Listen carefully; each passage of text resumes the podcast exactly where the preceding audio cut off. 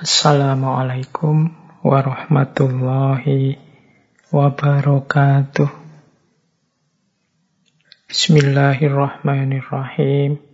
Alhamdulillahi rabbil alamin.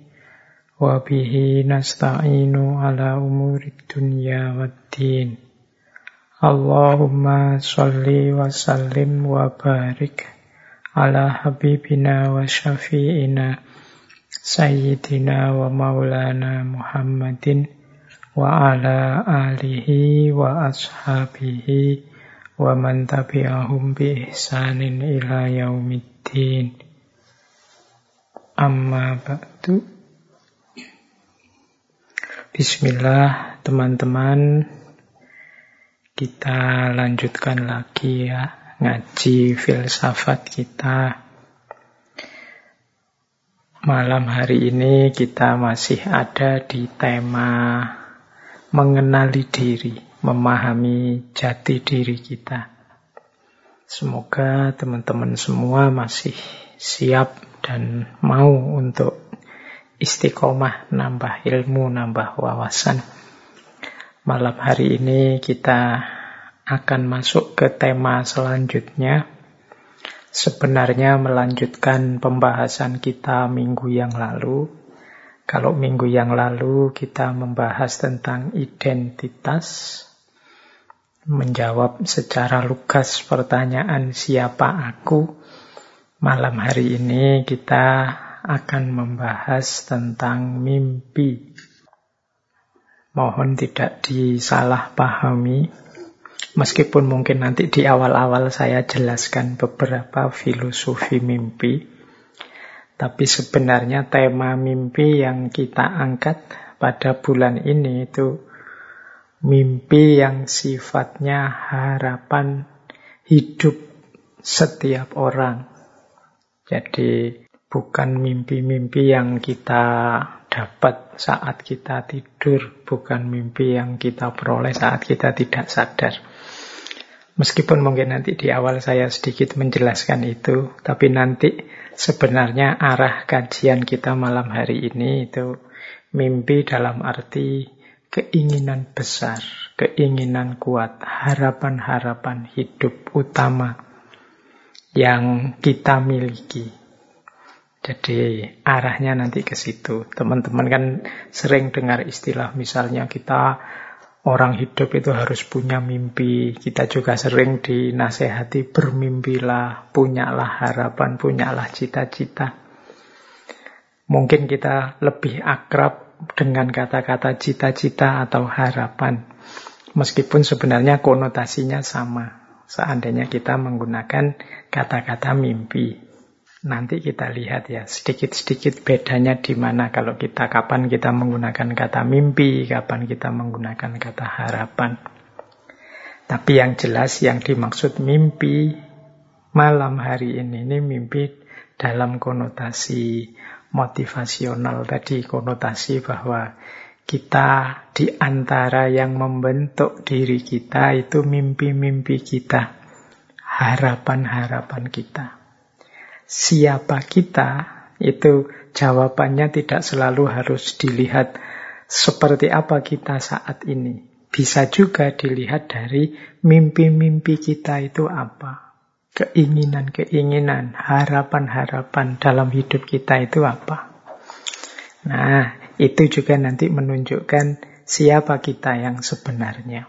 Karena kadang-kadang orang itu tidak sepenuhnya bisa mewujudkan keinginan-keinginannya.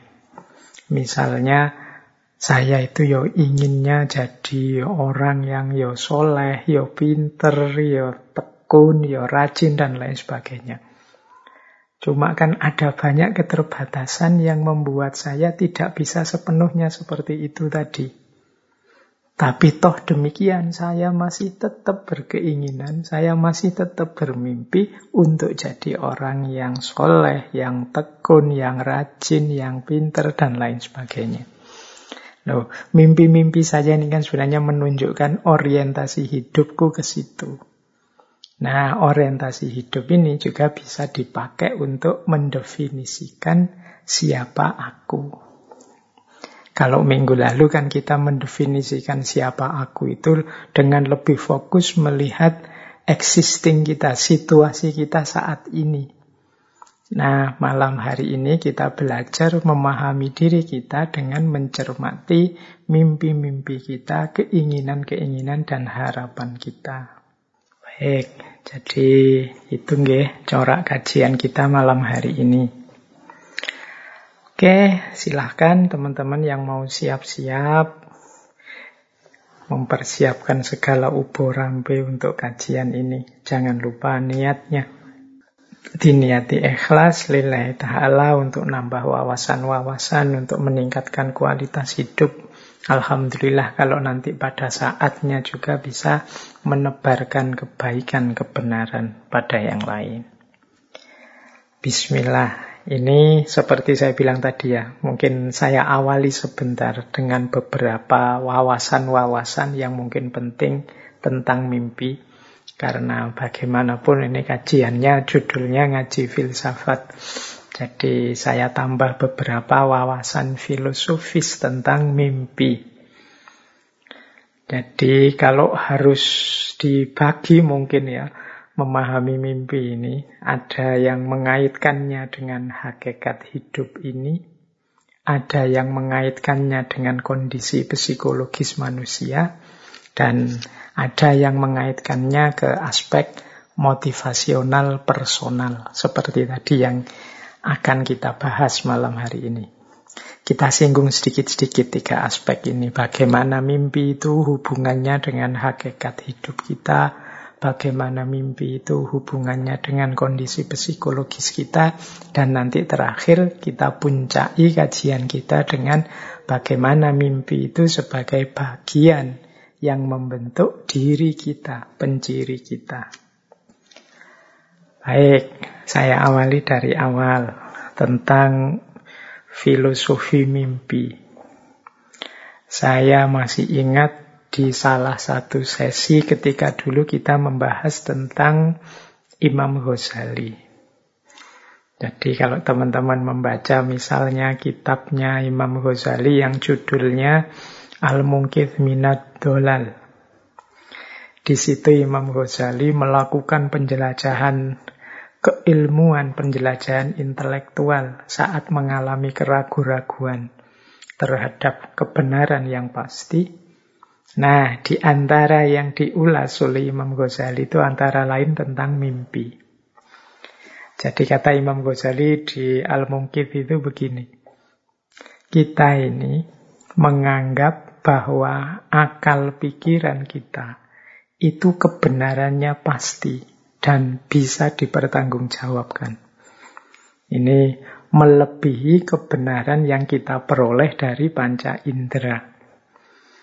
Jadi beliau kan meranking ilmu-ilmu itu yang diperoleh dari panca indera, yang diperoleh dari akal, dan nanti ilmu yang diperoleh dari pengalaman religius.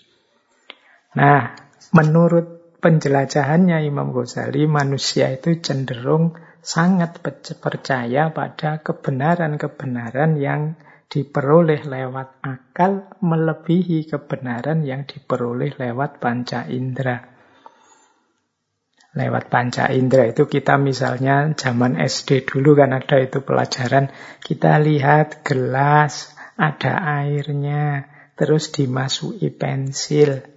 Loh pensilnya itu kelihatan bengkok. Tapi kan kita tidak menyimpulkan pensilnya bengkok. Kita simpulkan pensilnya tetap lurus. Hanya saja pandangan mata kita terdistorsi Nah, yang bisa menyimpulkan pensil tetap lurus itu kan akal. Kalau dasarnya hanya panca indera menggunakan mata, ya pensil tadi kelihatannya sudah bengkok. Dari sini terus disimpulkan bahwa, oh, kalau begitu akal itu lebih kuat untuk menemukan kebenaran. Tapi ternyata akal juga banyak kelemahannya. Antara lain dalam hal mimpi ini. Jadi ini uraian di kitab itu ya tentang mimpi. Jadi kita itu saat mimpi itu kan akal kita juga bekerja. Kita memahami, kita mencerna hal-hal yang kita temui dalam mimpi. Saat itu kita yakin bahwa kita ini benar. Saat mimpi itu yo, yang saya lihat itu yo sebagaimana saya alami. Jadi akal kita jalan, kita tanggapi apa saja dalam mimpi sebagaimana saat kita bangun.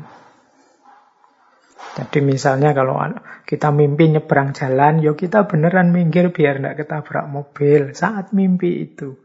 Kita mimpi melakukan apa, ya kita gunakan logika persis seperti saat kita bangun. Dalam mimpi itu kita merasa ini benar, ini pasti yang benar. Tetapi begitu kita bangun, ternyata terus kita sadar. Eh ternyata yang mati-matian aku anggap benar dalam mimpi itu begitu sadar baru aku tahu ternyata itu hanya ilusi. Ternyata itu tidak nyata. Nah ini, kalau di kitab Al-Mungkir Minadolal ini dipakai untuk menyimpulkan akal juga tidak selalu mampu menangkap yang benar. Buktinya dalam mimpi itu sesuatu yang maya, yang ilusi dianggap nyata. Apalagi hari ini, ini Imam Ghazali lahir di abad itu. Kalau hari ini ada fenomena post-truth misalnya, akal kita kan sering tertipu oleh hoax-hoax itu. Jadi yang kita anggap benar ternyata salah. Kita anggap nyata ternyata hanya ilusi, hanya maya. Nah, ini nanti jembatan untuk masuk ke beberapa gagasan filosof tentang mimpi, tentang filsafat mimpi. Nah, dari sini kemudian muncul pandangan bahwa sebenarnya hakikat hidup kita di dunia ini itu seperti mimpi. Yang kita anggap nyata, konkret, apa adanya, realistis, dan lain sebagainya. Itu kan yang kita hadapi hari ini. Itu persis seperti kalau kita mimpi. Kalau kita mimpi itu kan ya kita merasa persis seperti hidup hari ini. Nah, nanti kita sadar bahwa betapa ilusifnya, betapa tidak sejatinya hidup ini begitu kita bangun. Nanti beberapa sufi menjelaskan ya orang bangun itu ya waktu kita nanti sesudah kita meninggal masuk ke alam barzah, alam yang lebih sejati, baru kita sadar, ah betapa dunia itu tidak penting, betapa dunia itu sifatnya maya, sifatnya ilusi saja. Makanya saya teringat ada satu eh, kata-kata uh, yang masyhur sekali. Ini saya belum berani bilang ini hadis, meskipun ada yang bilang hadis. Karena ada yang bilang juga ini sebenarnya kaulnya Ali bin Abi Thalib. Ada juga yang bilang ini sebenarnya kaulnya seorang sufi yang bernama Sahel Al-Tustari. Jadi ini masih diperdebatkan ini sabdanya Rasulullah apa kaulnya Sayyidina Ali apa kaulnya Syekh Sahel Al-Sustari. Tapi kalimat ini sudah sangat sering didiskusikan. Yaitu annasu niyamun fa'idha matu intabahu. Jadi manusia itu hakikatnya adalah tidur. Dan nanti saat dia meninggal, saat dia mati, intabahu, baru dia bangun. Kita hidup di dunia ini, hari ini kan rasanya, ya ini hidup beneran pak, serius pak. Saya juga sakit, saya juga gembira, jatuh bangun, nyata ini pak, konkret. Persis sama ketika kita ngalami mimpi. Dalam mimpi kan kita juga begitu. Kita ya kalau sedih dalam mimpi ya nangis beneran. Kalau seneng ya ketawa beneran. Tapi begitu kita bangun, baru kita sadar, wala ternyata tangisanku tadi malam itu ndak sejati, wong cuma mimpi. Ketawaku, senyum-senyumku tadi malam juga ndak sejati, wong cuma mimpi. Nah, dari kaul ini annasuniyamun faida matu intabahu manusia itu tidur nanti kalau mereka bangun kalau mereka mati baru mereka bangun nah, berarti sebenarnya mungkin saja dunia ini sifatnya seperti mimpi kalau kita tidur. Kita memang rasanya sih serius ini, tapi nanti begitu kita bangun kita baru sadar bahwa ini hanya ilusi. Kalau dalam dunia tasawuf, kaul ini sebenarnya diorientasikan agar kita jangan terlalu terikat oleh dunia, jangan tertipu oleh dunia. Dunia ini sifatnya tidak nyata. Tidak pasti ada. Ya satu-satunya yang pasti ada kan memang Allah. Bahkan diri kita ini kan hanya dipinjami keberadaan oleh Allah. Makanya eman-eman kalau kita hidup di dunia ini terlalu terikat terlalu terpengaruh, tertipu. Wong ini hanya mimpi. Harusnya kita lebih serius di hidup yang sejati, yaitu saat kita bangun. Nah, ini salah satu filosofi yang berhubungan dengan mimpi. Ini dari para tasawuf. Ada yang saya kutip lagi ini dari seorang filosof timur dari Tiongkok, Zhuangzi. Ini tokoh ini pernah juga kita bahas di ngaji filsafat, saya lupa sesi keberapa dulu Zhuangzi ini. Jadi dia punya satu kalimat yang menarik tentang mimpi ini. Jadi dia cerita begini, satu ketika saya bermimpi, aku adalah seekor kupu-kupu yang terbang berkeliling di langit, di angkasa. Kemudian aku bangun. Jadi dia mimpi jadi kupu-kupu yang terbang ke sana kemari. Senang sekali bisa terbang ke mana-mana. Nah kemudian dia bangun. Nah saat bangun itu dia terus bertanya pada dirinya. Sebenarnya aku ini manusia yang bangun ini sekarang itu manusia yang bermimpi jadi kupu-kupu, ataukah aku ini sebenarnya kupu-kupu yang bermimpi jadi manusia? Tadi kan waktu mimpi jadi kupu-kupu kan tiba-tiba saja terus jadi kupu-kupu kemudian terbang ke sana kemari dengan seolah-olah mimpinya ya kupu-kupu itu. Tapi kemudian bangun dengan kesadaran sebagai manusia. Nah, ini yang lebih mimpi yang mana? Nah, itu pertanyaannya. Logikanya sama dengan para sufi tadi. Hidup sekarang di dunia ini dengan hidup nanti, itu mana yang lebih sejati? Wong dua-duanya ketika kita mengalami, yo, kita meresponnya yo sama seriusnya. Nah, maka di quotes-nya Zhuangzi itu dia bertanya, ini aku yang mimpi jadi kupu-kupu atau kupu-kupu yang mimpi jadi aku? Loh, meskipun aku mimpi jadi kupu-kupu atau kupu-kupu yang mimpi jadi aku, itu kan rasanya sama. Jadi, aku begitu aku mimpi jadi kupu-kupu, ya akunya hilang kan, yang ada kupu-kupunya dalam mimpi. Aku merasa aku ini kupu-kupu. Sebaliknya juga begitu. Kupu-kupu yang mimpi jadi aku, jadi manusia itu ya kupu-kupunya hilang. Wong sekarang mimpi jadi manusia. Dia merasa dirinya yang sejati ya manusia. Nah makanya bagian tertentu dalam pemikiran filsafat tentang mimpi itu ada yang bilang ya mimpi itu hakikatnya hidup ini. Jadi hidup ini ya seperti mimpi karakternya. Ya kita memang merasa ini beneran, ini sejati. Tapi apa ya? Jangan-jangan kita ini sedang tidur mimpi. Jangan-jangan saya ini sedang tidur memberi kajian, teman-teman sedang tidur mimpi mendengarkan kajian. Anasuniyamun fa'idha matu intabahu. Manusia itu tertidur. Baru nanti kalau mereka bangun, mereka mati, mereka terbangun, sadar di titik mana hidup yang sejati.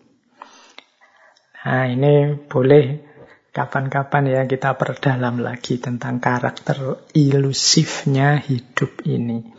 Beberapa tradisi timur itu banyak yang punya pandangan hidup ini tidak nyata, hidup ini isinya kekosongan-kekosongan saja. Tidak ada yang sejati.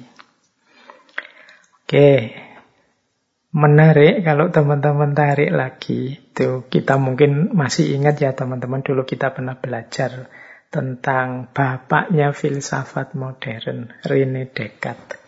Beliau ini juga punya pandangan tertentu tentang filsafat mimpi.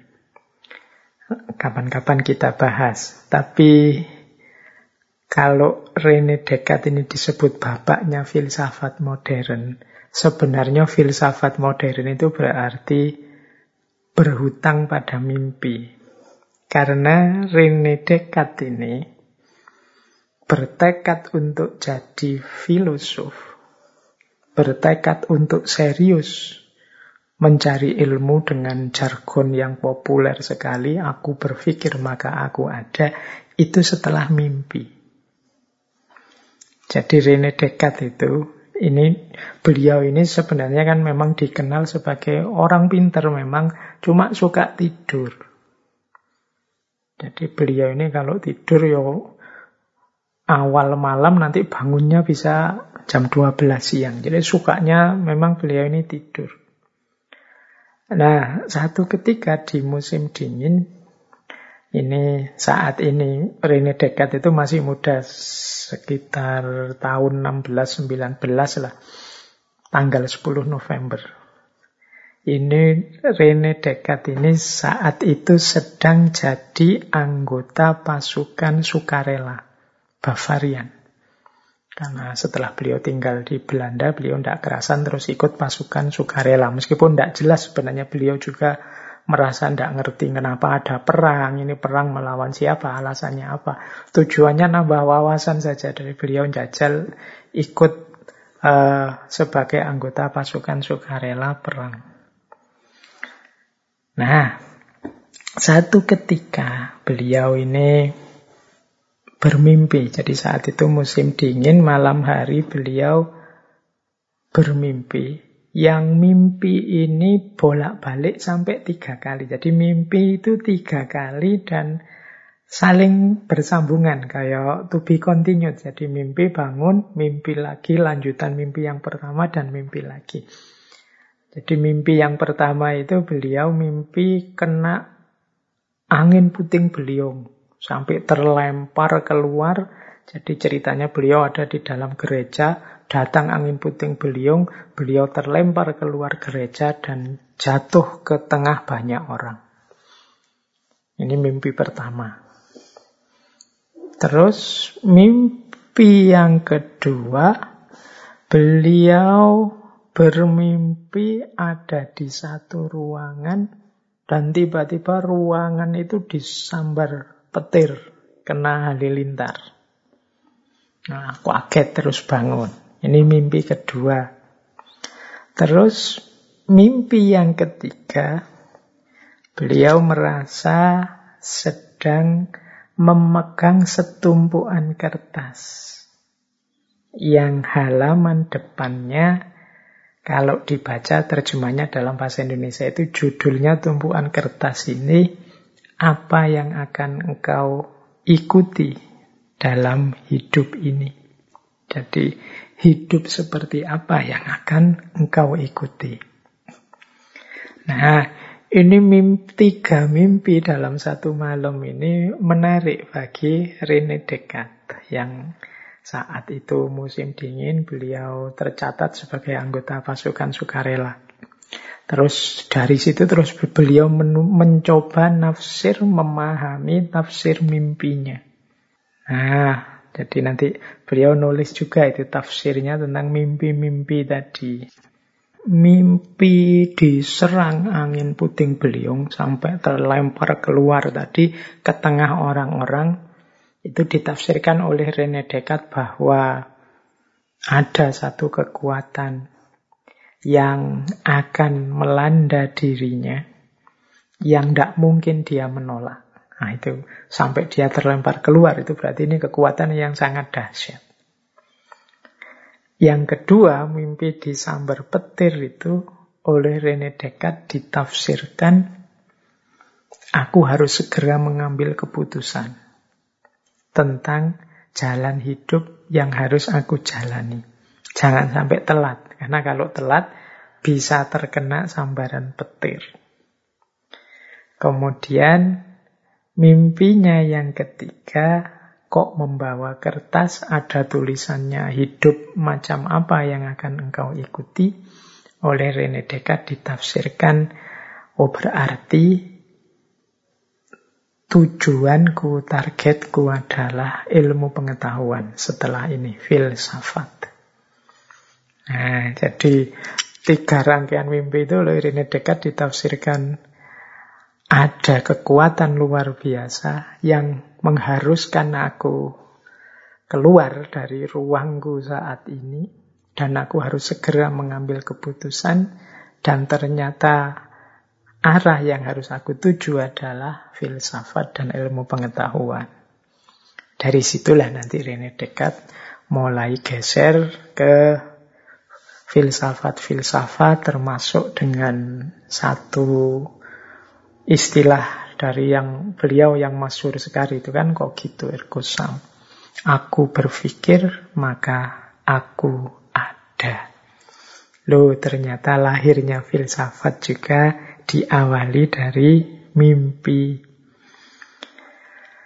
Baik, wah ini banyak, tidak apa-apa ya dongeng ke sana kemari. Nanti dipuncai dengan mimpi yang dari aspek motivasional tadi. Kalau teman-teman membuka-buka kajian-kajian filsafat, itu nanti ada istilah onerologi. Onerologi itu cabang ilmu pengetahuan yang meneliti tentang mimpi. Jadi ternyata ada istilahnya. Onerologi beda ya dengan tafsir mimpi. Kalau teman-teman mungkin kenalnya tafsir mimpi. Seperti Nabi Yusuf yang dapat mukjizat bisa menafsirkan mimpi dengan tepat. Onerologi ini membahas ontologinya mimpi. Jadi membahas tentang hakikatnya mimpi ya seperti tadi misalnya, oh mimpi itu seperti hidup ini dan lain sebagainya. Oh mimpi itu karena kondisi mental yang begini dan lain sebagainya. Itu namanya onerologi. Onerologi itu dari kata oneroi. Oneroi itu dari bahasa Yunani yang artinya mimpi. Jadi oneroi itu pasukan dewa-dewa yang ngurusi mimpi. Jadi sekelompok dewa yang mengurusi mimpi. Onera itu artinya memang mimpi. Jumlahnya 999. Makanya mimpi itu bisa macam-macam. Dewanya saja 999. Dari 999 ini yang paling masyur ada tiga yaitu Morpheus, kemudian Ikelos, dan Fantasos. Morpheus itu yang bisa berubah jadi manusia terus masuk dalam mimpinya orang.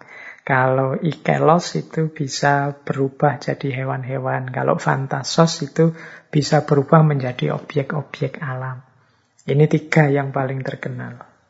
Nah, 999 Oneroi, Dewa Mimpi, itu putranya Hipnos.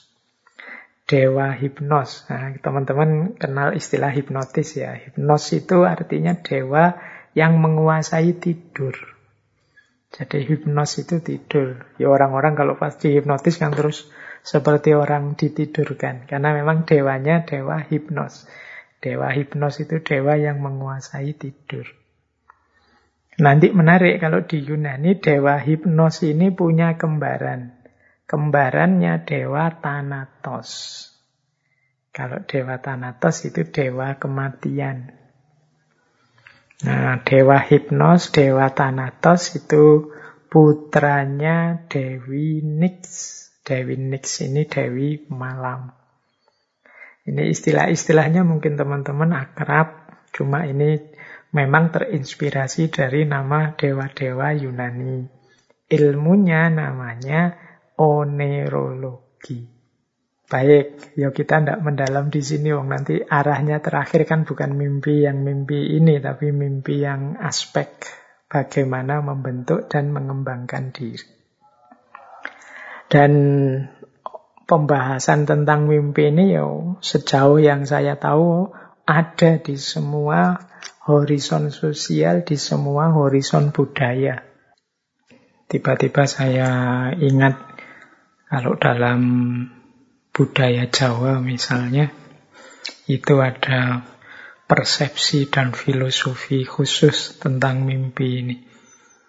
Misalnya orang Jawa itu membagi mimpi itu dalam kategori waktu. Jadi kalau di Jawa ada istilah yang berhubungan dengan mimpi, yaitu titiyoni, Gondoyoni dan Puspo Tajem. Nah, ini membagi malam saat kita tidur dan bermimpi itu menjadi tiga. Mimpi di waktu sepertiga malam pertama itu dikenal kalau dalam budaya Jawa namanya titioni. Kalau mimpi di sepertiga malam yang kedua disebut sebagai gondoyoni. Dan mimpi di sepertiga malam yang ketiga ini dikenal sebagai mimpi puspo tajem. Nah ini juga kontennya beda-beda.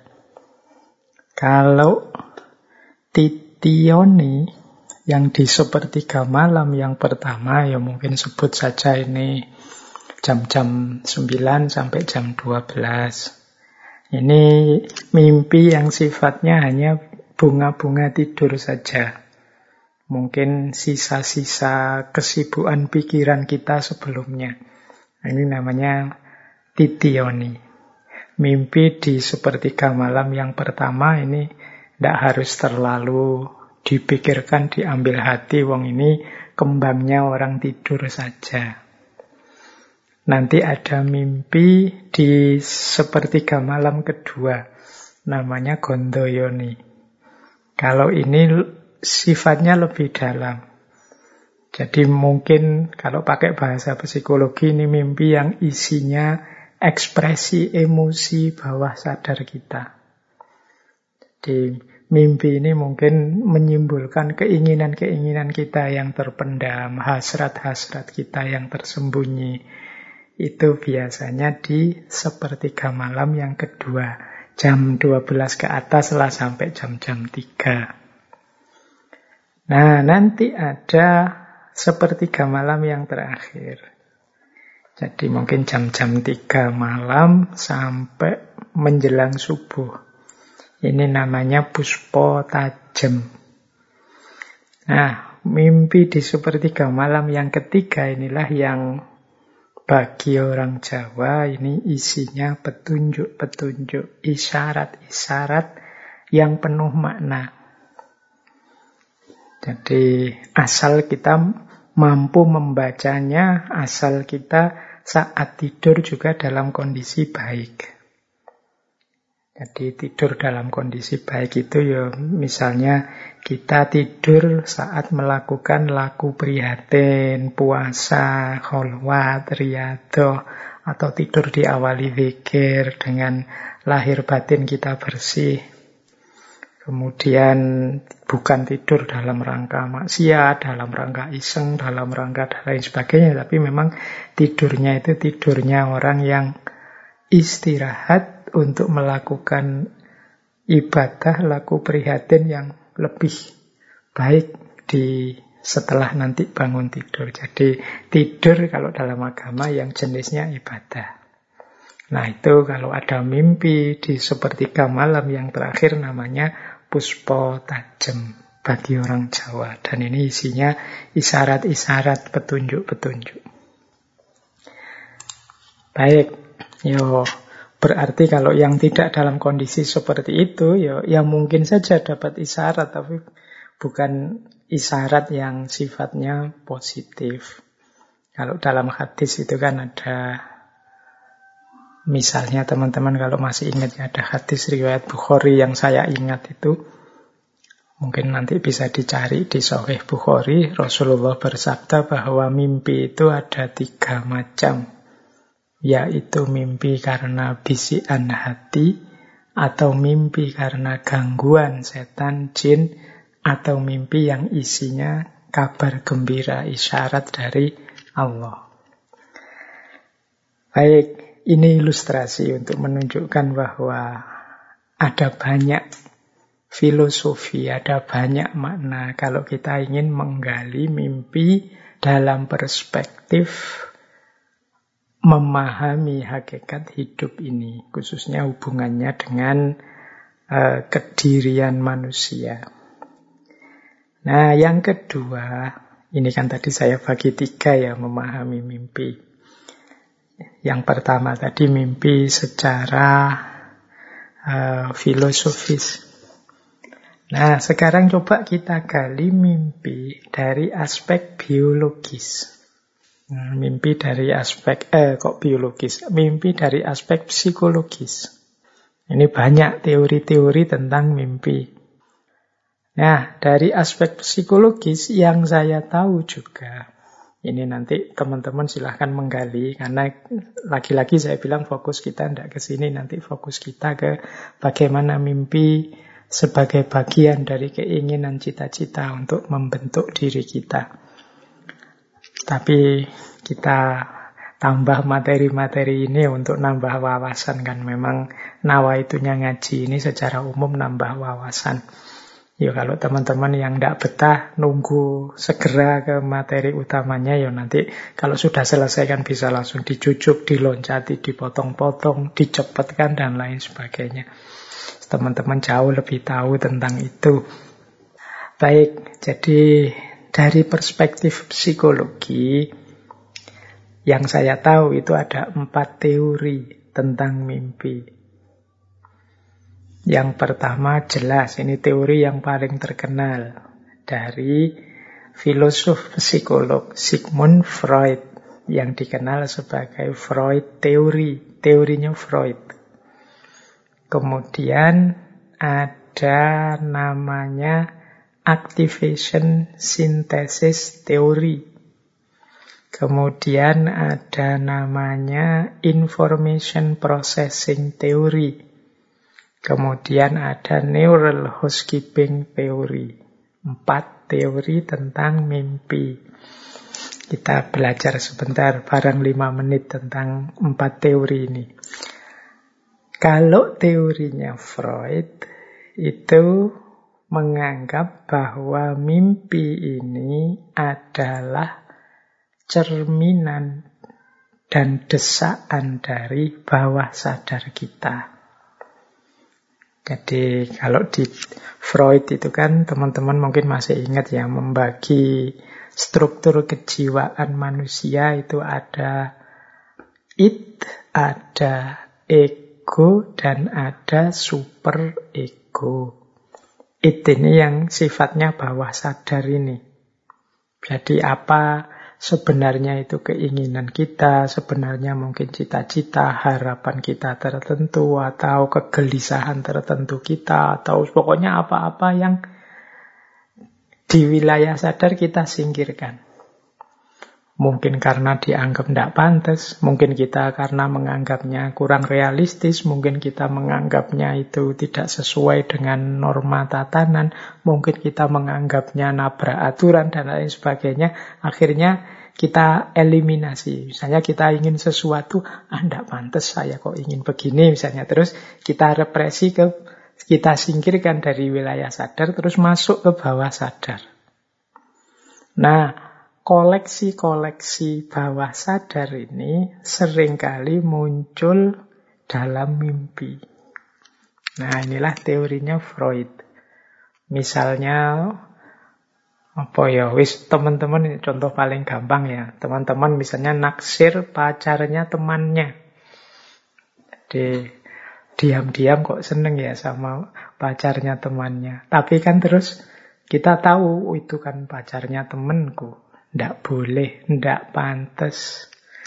Mosok aku terus ngerebut miliknya teman misalnya. Itu kan kita kita sendiri merasa itu sesuatu yang tidak patut, sesuatu yang tidak patut, sesuatu yang tidak boleh.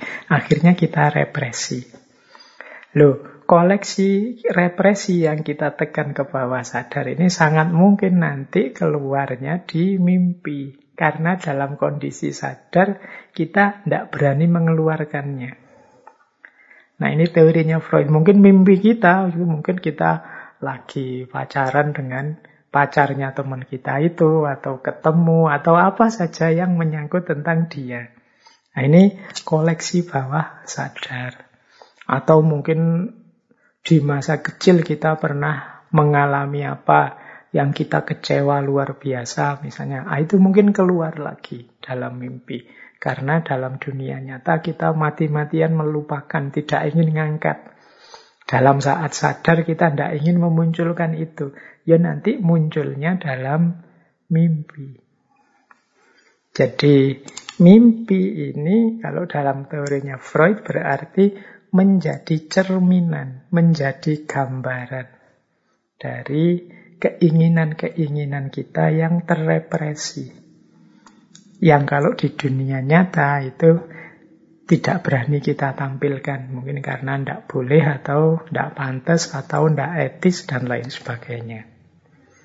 Jadi justru ini yang sering jadi masalah kalau dalam teori psikoanalisisnya Freud.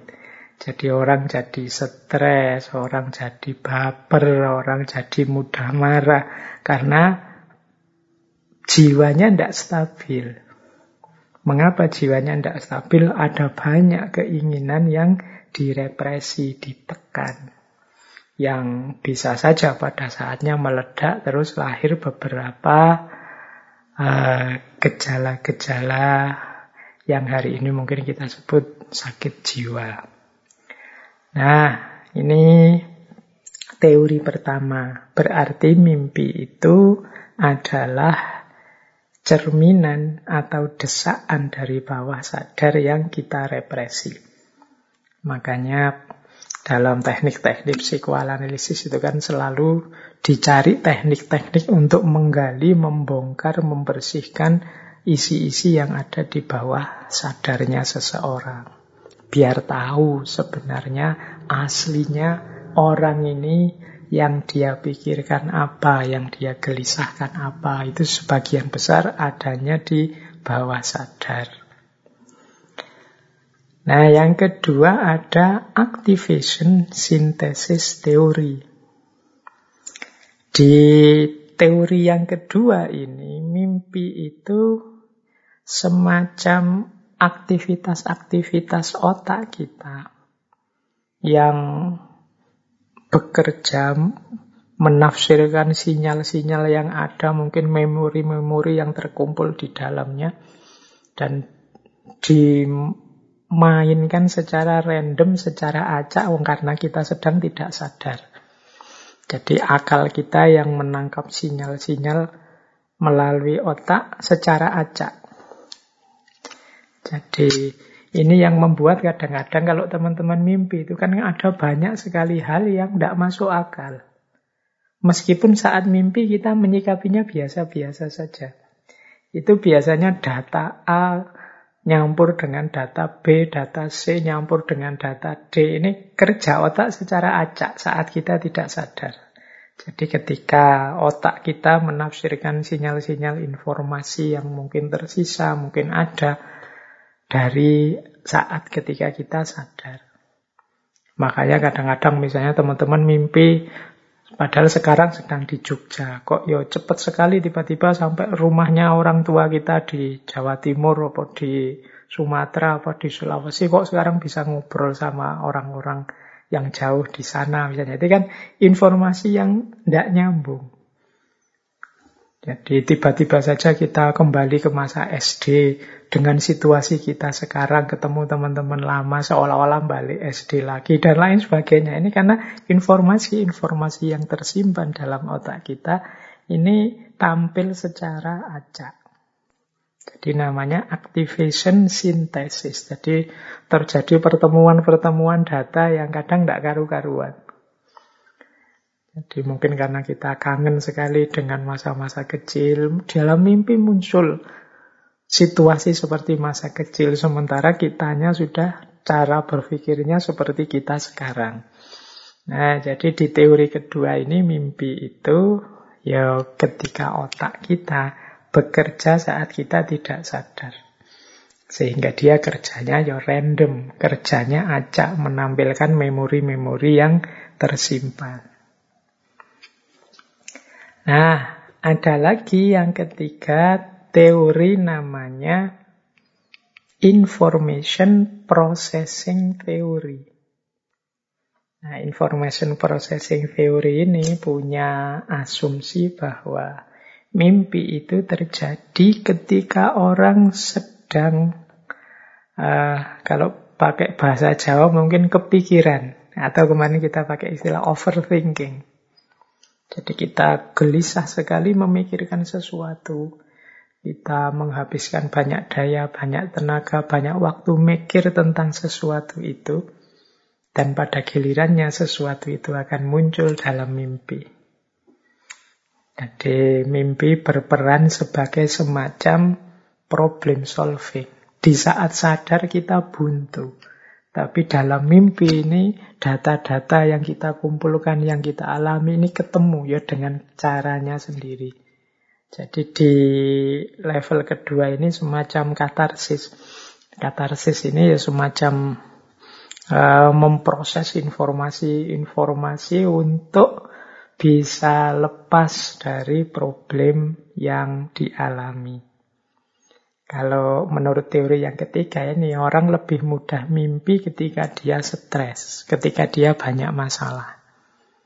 Teman-teman boleh ya direnungi kira-kira saya itu kalau pas kepikiran macam-macam banyak masalah apa iya lebih sering mimpi dibandingkan kalau pas sedang puas, lega, tidak ada problem atau problem banyak yang terselesaikan.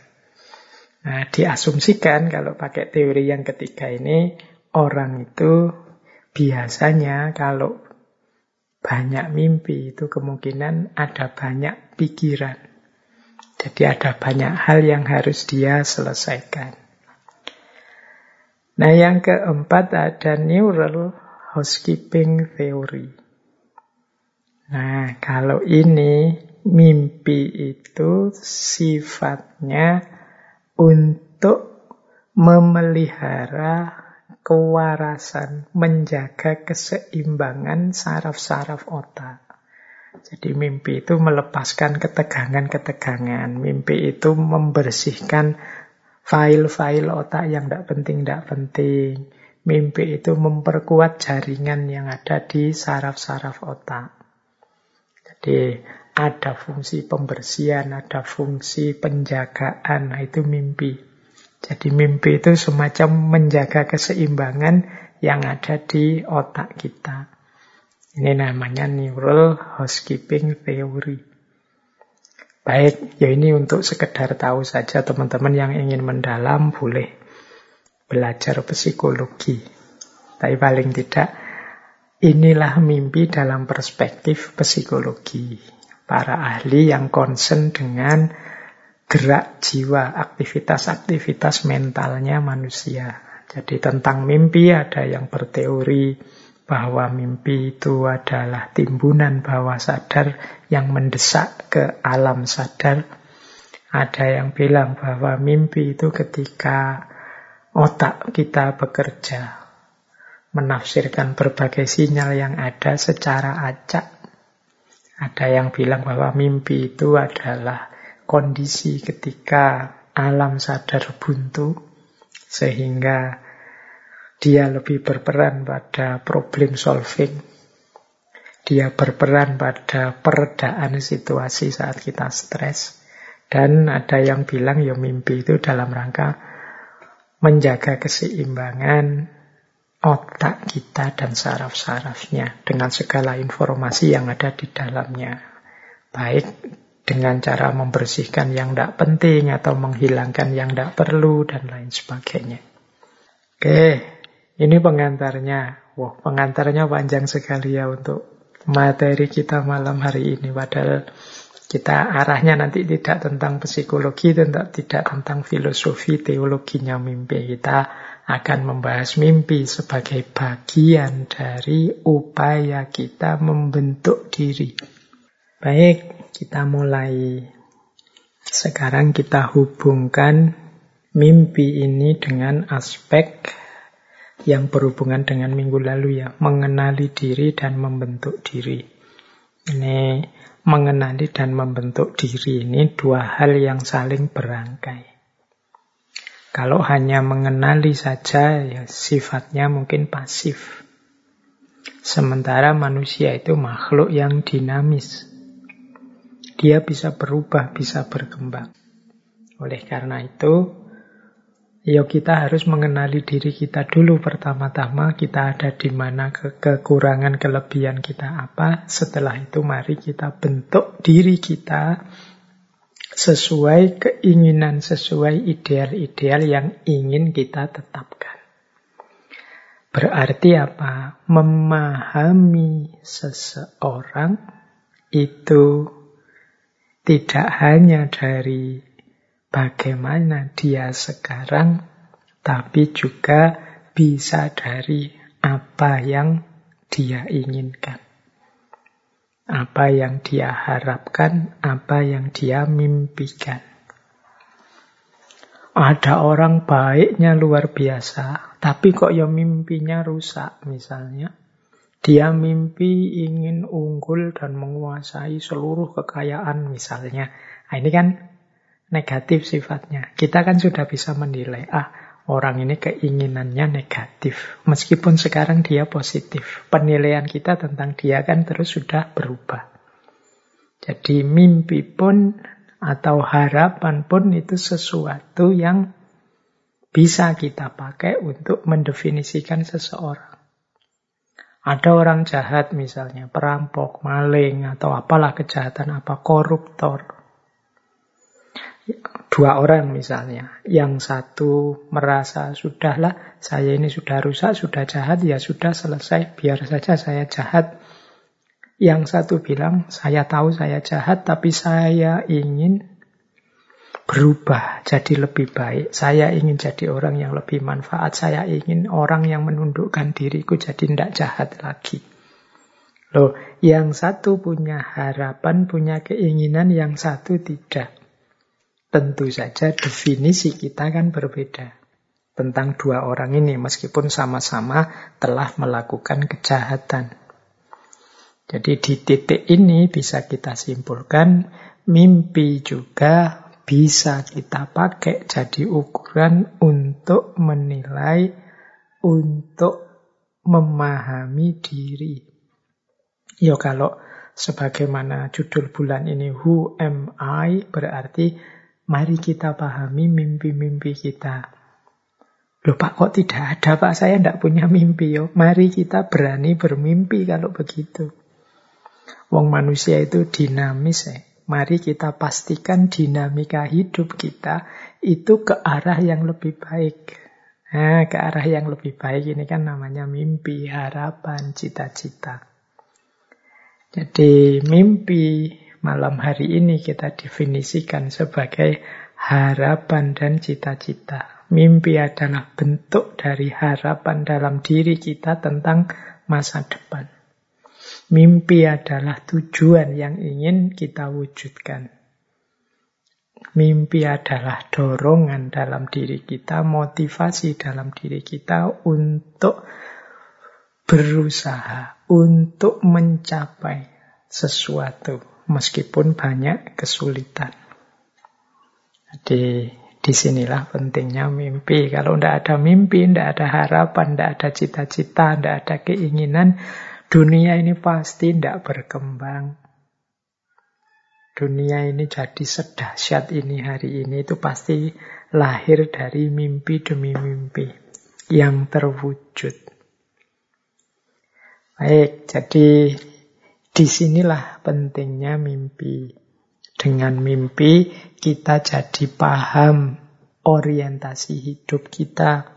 Dengan mimpi kita jadi tahu orang seperti apa kita.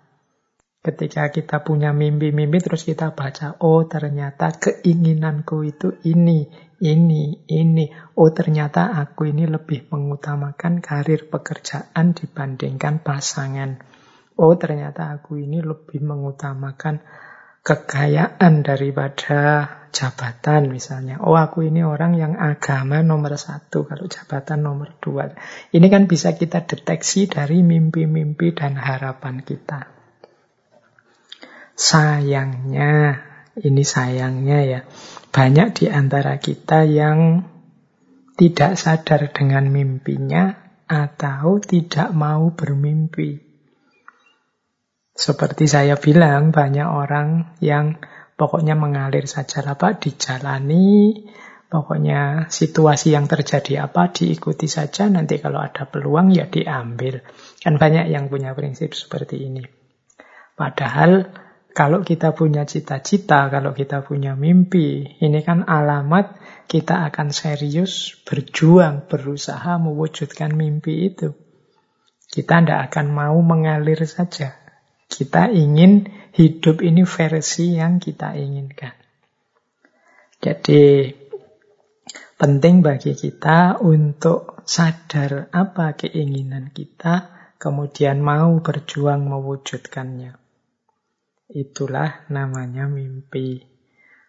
Ya mungkin memang kadang-kadang karena dorongan situasi tertentu, kita ini tidak berani bermimpi.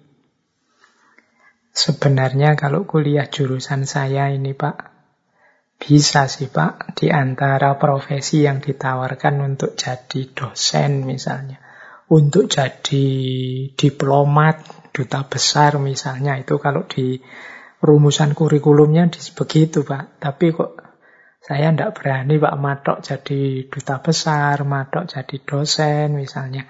Wong saya itu orangnya begini. Itu kan menunjukkan kita tidak berani, bermimpi saja tidak berani. Mungkin karena situasi hari ini yang membuat kita pesimis. Tapi apa pun situasinya, harusnya tetaplah kita berani matok mimpi. Atau kalau tidak mau pakai istilah mimpi, cita-cita wis. Kita kan sering didorong, didesak, yuk punya cita-cita. Kalau orang itu tidak punya cita-cita, tidak punya keinginan, dia tidak tahu mengarahkan layar kemudinya ke mana. Dia tidak tahu orientasinya hidup itu dijalankan ke mana. Yuk ibarat mobil, kalau teman-teman tidak punya tujuan, tujuan ini kan cita-cita tadi, harapan tadi, mimpi tadi kita kan terus tidak jadi jalan. Kalau jalannya asal saja, ya kita tiwas kehabisan bensin, tapi tidak meraih apa-apa. Tidak sukses apa-apa, tidak keberhasil apa-apa, meskipun mungkin merasakan sesuatu atau menikmati sesuatu. Jadi, ini pentingnya mimpi. Nah, di slide ini saya ranking. Jadi itu kalau pakai bahasa Inggris, mimpi itu yang kalau dalam bahasa Inggris istilahnya dream. Itu berbeda dengan wish, berbeda dengan hope, berbeda dengan expect. Ini level ya. Ini maksudnya level mudahnya adalah level kerealistisannya. Jadi ada dream, ada wish, ada hope, ada expect. Kalau mimpi, ini sifatnya uh, kerealistisannya paling kecil karena biasanya formatnya paling besar. Itu mimpi. Isinya paling besar. Seperti anak kecil misalnya, saya ingin jadi presiden misalnya. Itu kan Sisi realistisnya kecil karena format mimpinya besar. Tapi bukan berarti mustahil. Jadi kalau kita targetnya besar itu kan kita mau tidak mau nanti orientasinya daya yang kita kerahkan, modal yang kita berikan itu kan juga besar untuk sampai ke sana. Seandainya tidak nyampe di terminal terakhir itu pun kita sudah luar biasa. Capaian kita. Itu namanya dream. Nah, lebih besar aspek realistisnya, ya berarti mungkin lebih simple isinya itu namanya wish. Wish ini daya uh, realistisnya mungkin lebih konkret daripada dream. Lebih besar lagi daya realistisnya itu hope. Dan lebih besar lagi itu expect. Kalau expect itu untuk hal-hal yang sederhana misalnya, ah saya setelah kajian ini mau ngopi dulu ah di kafe. Nanti kan, yowong ya saya punya uang, kendaraan ada, teman-teman juga ngajak, jadi deh. Ini kan I expect itu bisa paling besar. Tapi kalau hope, kalau hope itu mungkin sebenarnya ya saya ada uang, teman-teman juga ngajak. Tapi setelah kajian ini saya ada kesibukan lain sebenarnya. Bukan tidak bisa saya tinggalkan sih. Tapi kalau saya tinggalkan besok saya repot ini. Itu hope. Segalanya terpenuhi tapi ada halangan. Semoga bisa. Nah, kalau wish itu mungkin setelah kajian ini saya pengen ngopi sih di cafe tapi kok ya ndak ada temen yang ngajak uang juga tinggal sedikit sebenarnya. Berangkat sendiri khawatir malam-malam gini. Nanti kalau ada kelitih gimana misalnya, itu wis. Nah, kalau dream itu misalnya, ah, kapan-kapan ya saya ingin ikut ngaji filsafat offline di sana bareng teman-teman. Setelah kajian saya ngopi asik misalnya rasanya. Nah, sementara teman-teman yang punya niat seperti ini itu sedang tidak di Jogja atau mungkin malah di luar Jawa atau mungkin dari luar Indonesia yang mengikuti kajian filsafat itu kan agak jauh orientasinya untuk bisa ngopi setelah ngaji filsafat misalnya. Nah, ini mungkin bisa levelnya dream. Jadi Makanya tadi lebih kita definisikan dream itu ke arah cita-cita. Harapan yang besar, harapan yang jauh, target jangka panjang. Yang kalau dibaca sekilas itu rasanya apa mungkin ya. Tapi kalau saya berjuang mungkin sajalah. Nah, itu masih dream mungkin. Kalau jalurmu benar nak, bisa kamu nanti jadi presiden misalnya. Nah, itu levelnya masih dream. Dream itu bukan sesuatu yang mustahil, cuma memang butuh perjuangan panjang dan berat. Kita juga begitu, membentuk diri kita juga kan butuh perjuangan panjang dan perjuangan yang tidak ringan. Baik, ini untuk memahamkan saja skalanya. Jadi mudahnya begini loh. Kita merancang tujuan dalam hidup kita, merancang target-target, cita-cita itu ada kalanya jangka pendek yang segera bisa kita wujudkan, ada kalanya jangka menengah, ada kalanya jangka panjang. Tentu saja jangka panjang ini skopnya jauh lebih luas, lebih besar. Target-target besar.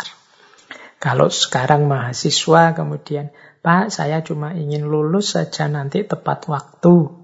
Nah, itu mungkin termasuk jangka pendek. Oh, sekarang sudah semester 6 misalnya, lulus tepat waktu paling ya setahun, setahun setengah lagi pasti sudah bisa lah.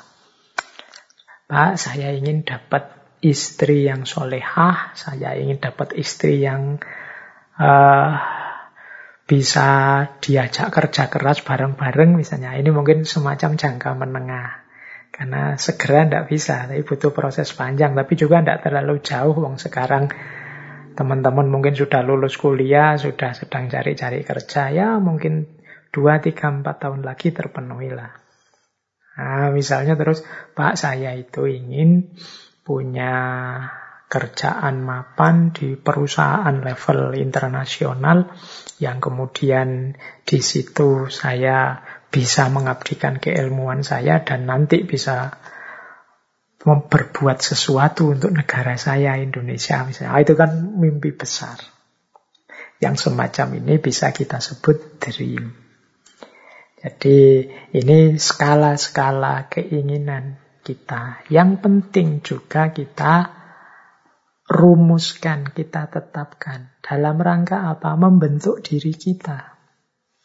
Kita itu kan terbentuk sesuai apa yang kita rancang dan apa yang kita wujudkan dari rancangan itu tentang diri kita. Baik, kita lanjutkan ya. Nah, mimpi ya tetap akan jadi mimpi dan benar-benar akan berhenti sekedar mimpi kalau kita tidak menyambung mimpi itu dengan upaya-upaya untuk mewujudkannya. Maka ada istilah from dream to goals. Dari mimpi kita terjemahkan menjadi tujuan-tujuan hidup. Tujuan jangka pendek tadi, jangka menengah, juga jangka panjang. Nah, bagaimana sih cara kita untuk mewujudkan mimpi kita menjadi nyata dalam bentuk tujuan-tujuan yang konkret. Ini ada beberapa teori, beberapa konsep. Nah, malam hari ini kita belajar pelan-pelan saja tentang konsep bagaimana dari mimpi kita wujudkan menjadi tujuan-tujuan yang konkret dan nyata. Biar orang tidak hanya bilang, ah kalau begitu sih cuma mimpi biasa. Biar mimpi itu jadi kenyataan. Nah, ya tentu saja yang pertama syaratnya adalah kita tahu benar, paham benar mimpi kita itu apa. Seperti saya bilang tadi loh ya, banyak orang yang tidak punya mimpi, banyak orang yang tidak berani mimpi. Jadi mimpi saja tidak berani. Semoga teman-teman tidak termasuk orang yang semacam ini. Harus punya cita-cita harus punya mimpi. Orang yang tidak punya cita-cita itu mungkin karena dia tidak mampu membaca dan memahami diri dan lingkungannya, atau mungkin dia terdistraksi oleh banyak hal lain yang tidak penting. Maka penting ya teman-teman, kan sering saya sindir itu di berbagai kesempatan. Kadang-kadang kita itu kalah sama anak-anak TK, anak-anak SD. Anak-anak TK itu kalau ditanya jawabannya lebih tegas. Cita-citanya apa? Polisi. Cita-citanya apa? Bisnismen. Cita-citanya apa? Pilot. Cita-citanya apa? Jawabnya lebih tegas. SD masih lumayan tegas. Nanti SMP mulai agak ragu-ragu. Biasanya SMP itu karena terdistraksi macam-macam. Era-era SMP itu mungkin banyak nonton TV, nonton game, itu jadi pikirannya campur-campur. Termasuk saat menjadi siswa SMA, misalnya SMA itu juga masih mencari fokus-fokus, mencari idola-idola. Nah, mulai bisa berpikir lebih jernih, lebih luas mungkin zaman kuliah. Tapi begitu ngerti macam-macam zaman kuliah muncul ketakutan-ketakutan. Ketidakpercayaan diri. Wah iya sih dulu waktu kecil tegas sekali bilang pingin jadi pilot, pingin jadi polisi. Sekarang mulai pesimis. Apa ya bisa? Apa ya mampu? Apa yang mungkin? Dan lain sebagainya. Akhirnya tidak berani mimpi. Jadi Baik, beranilah mimpi. Ini pertama, syarat pertama. Yon, ini tidak akan jadi kita lanjutkan kajiannya kalau teman-teman tidak memulai berani bermimpi. Kalau sudah punya mimpi, ya jangan diam. Harus berusaha lebih jauh untuk mewujudkannya. Langkah pertama apa? Ya tentu saja belajar. Nambah ilmu, mencari wawasan seluas-luasnya tentang bagaimana ihwal mimpi yang kita tetapkan tadi.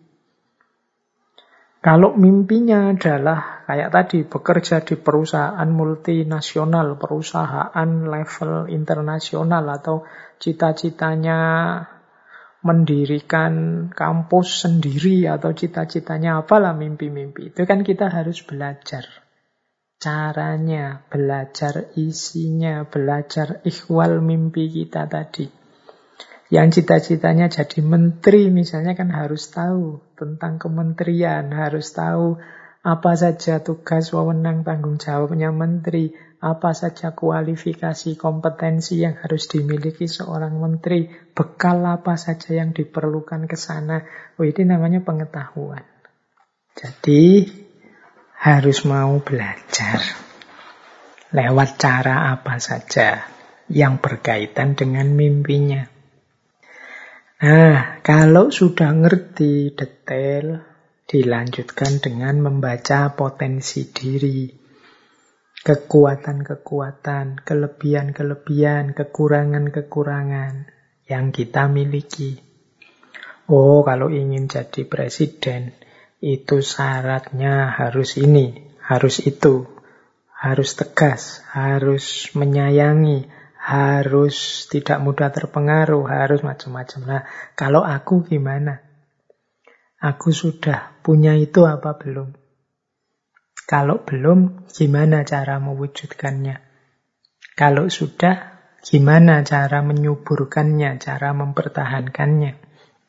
Nah, ini namanya membaca dan mengembangkan potensi.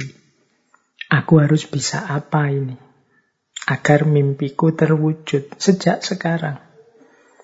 Jangan nunggu nanti. Jangan nunggu besok-besok aja Pak, saya masih muda. Enggak. Wong mimpi itu kan kita target ke depan. Semakin lambat kita memulai prosesnya, ya semakin jauh dia terwujudnya. Jadi ayo dimulai sejak sekarang. Sedikit demi sedikit kita lengkapi segala kemampuan, segala skill yang dibutuhkan untuk mewujudkan mimpi tadi. Jadi ini yang ketiga kita perlu memupuk potensi diri. Ya berarti kalau tadi belajarnya, kalau ini mewujudkan dirinya sehingga kita layak untuk mendapatkan mimpi itu. Yang ketiga adalah relasi. Nah, relasi ini perlu juga mulai dibangun. Loh, untuk aku punya kompetensi itu, untuk aku bisa sampai ke sana, aku membutuhkan apa, membutuhkan siapa saja. Butuh teman yang seperti apa, butuh guru yang seperti apa, butuh kolega yang seperti apa, butuh mitra kerja yang seperti apa, yang memudahkanku meraih mimpi-mimpiku. Ini namanya relasi.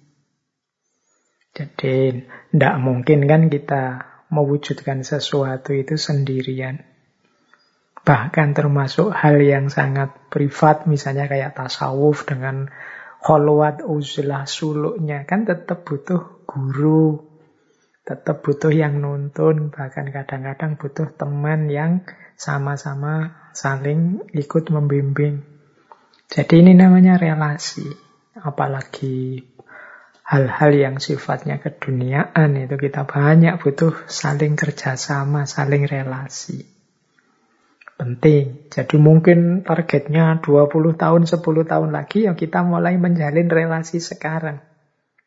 Wah ini saya ini butuh orang yang ngerti hukum ini. Wah mulai cari teman-teman yang ngerti tentang hukum. Wah saya butuh yang ngerti tentang ini. Kalau profesiku menuntut kecanggihan aspek IT ini. Wah saya harus punya relasi yang ngerti IT. Karena belajar sendiri mungkin tidak nyampe. Sulit aku. Ah itu relasi namanya. Jadi kalau sudah ngerti potensi kita, kita juga merancang relasi-relasi yang kita butuhkan, kita perlukan. Kemudian destinasi. Destinasi itu tahap demi tahap yang tujuan yang harus kita lewati. Ya destinasi itu tujuannya. Oh, untuk bisa aku jadi nanti puncaknya presiden, itu kan pertama-tama aku harus, uh, misalnya sekarang ya jadi anggota partai setelah jadi anggota partai atau ada sih jalur yang lain jadi orang yang sangat berprestasi sehingga dilirik partai-partai. Nah ini tak ambil yang mana dua jalur ini sesuai potensiku misalnya. Sebelum ke sana harus jadi punya pengalaman mungkin jadi kepala-kepala daerah dulu lah untuk anunya aja. Ini namanya target-target, destinasi-destinasi untuk cita-cita puncaknya jadi presiden misalnya. Nah itu kita juga merancang ke sana.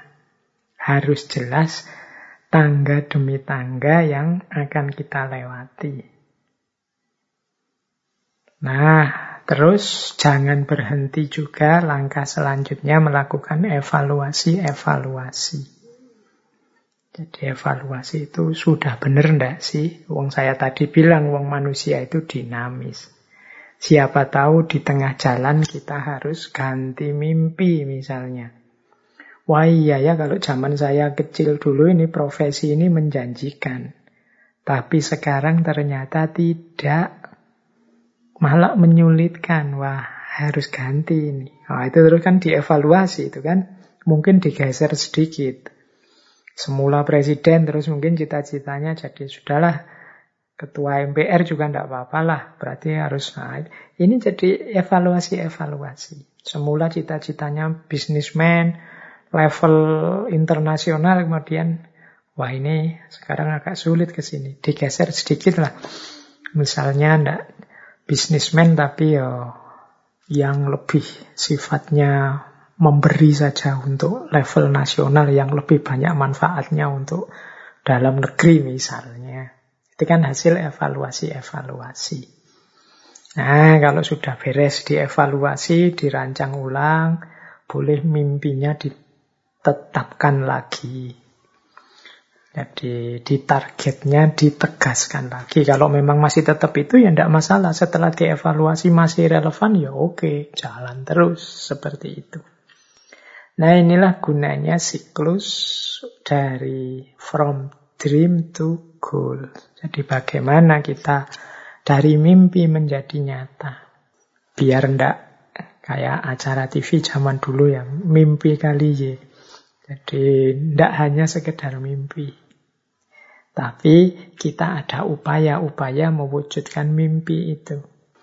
Kalau mimpi kita besar, ya seandainya terpenuhi 80 persennya saja, itu kan sudah luar biasa. Makanya tadi saya bilang beranilah bermimpi besar dan kalau kita berupaya sepenuh tenaga mewujudkan mimpi itu. Baik, kita lanjutkan. Nah, lanjutannya from dreams to goals. Ini ada teori yang sering sekali dipakai oleh motivator-motivator. Ini kajian kita bulan ini kan mirip tema-tema yang diangkat para motivator itu ya. Meskipun sedikit-sedikit kita sisipkan aspek kefilsafatannya. Ini teori tentang tujuan.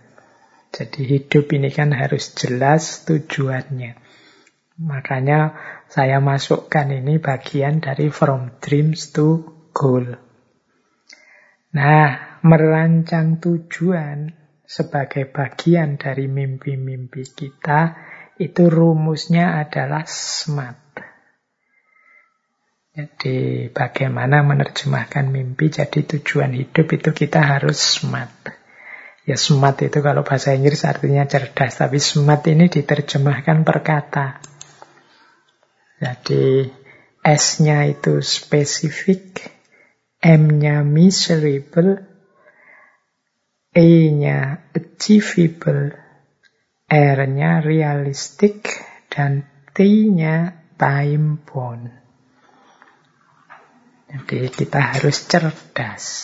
Yo mimpi, yo mimpi. Tapi mimpinya harus cerdas. Ketika mimpi itu kita terjemahkan jadi tujuan, target, cita-cita, ya harus smart. Smart itu yang pertama adalah spesifik. Spesifik itu ya harus jelas dan tegas.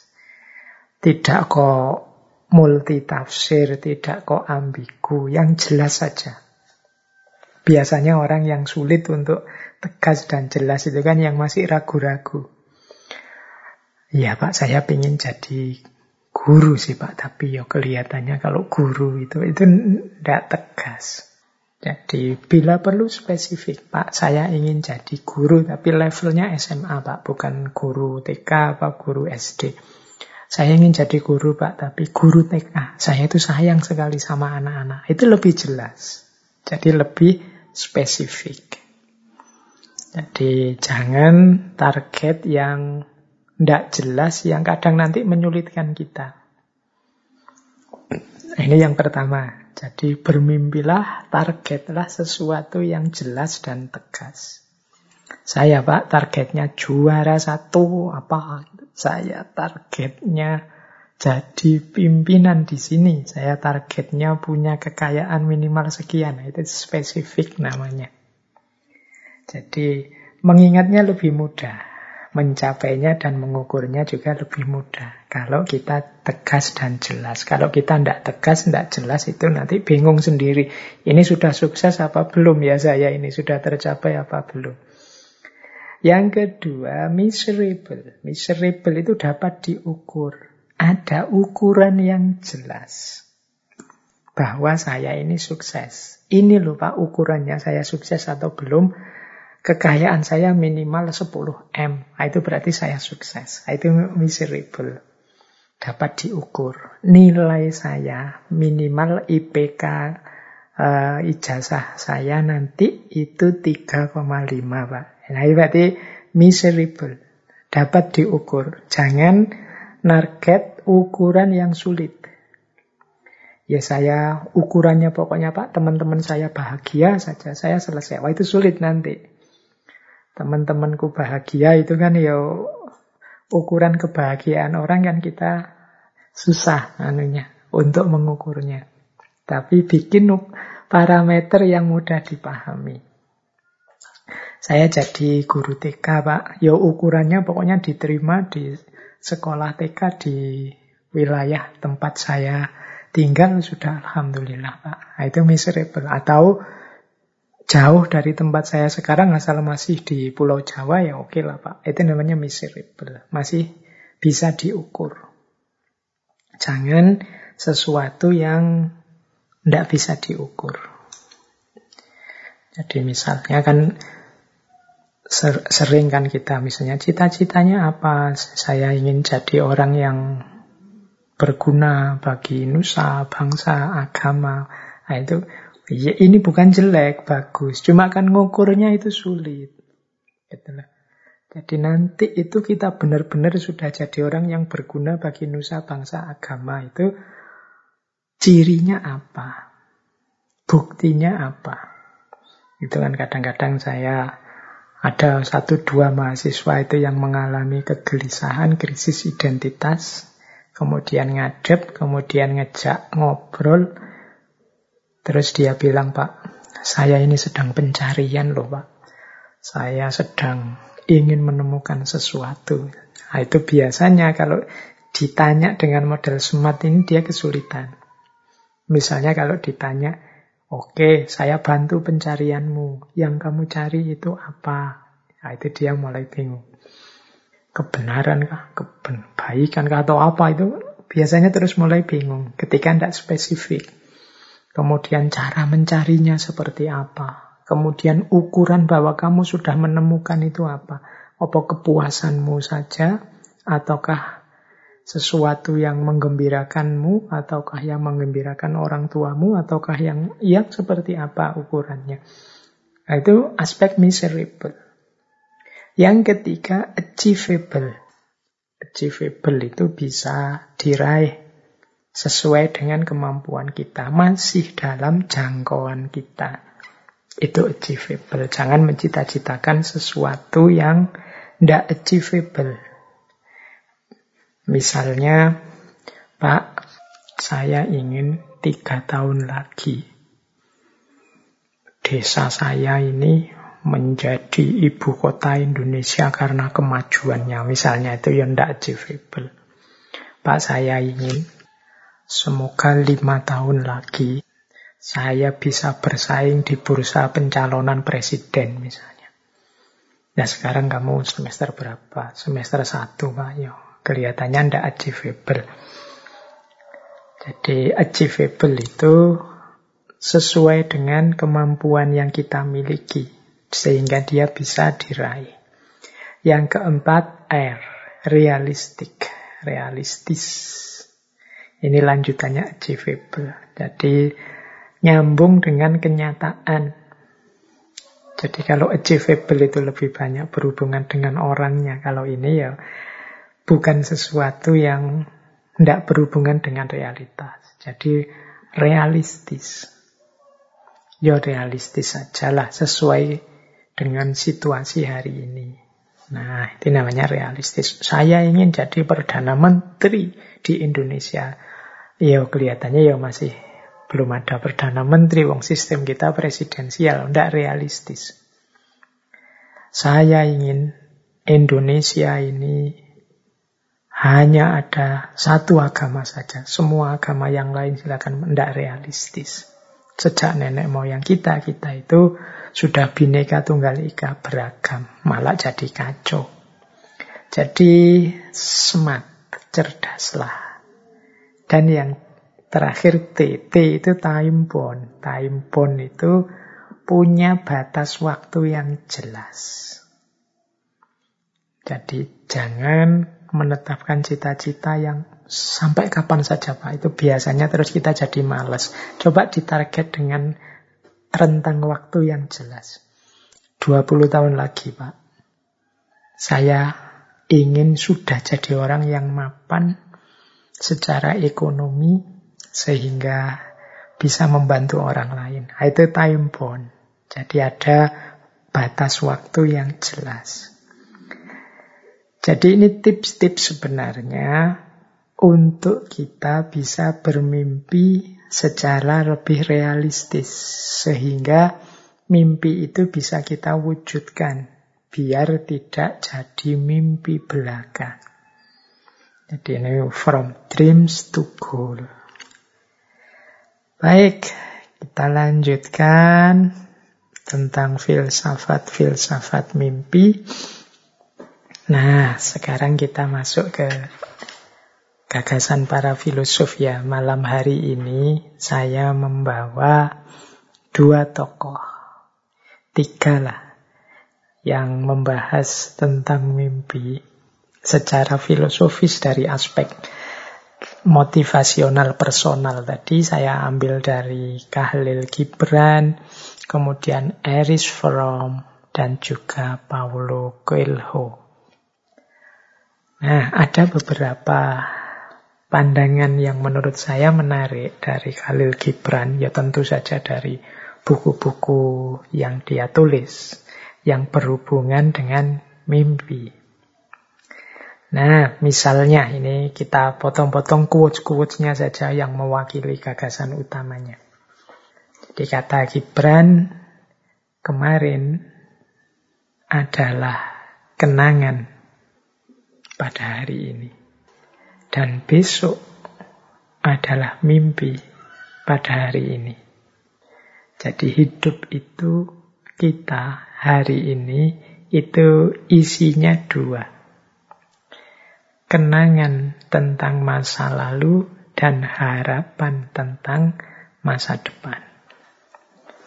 Jadi kalau kita menjalani hidup ini dengan memanfaatkan dua hal ini secara optimal, insya Allah hidup kita ini terarah, terukur, dan optimal.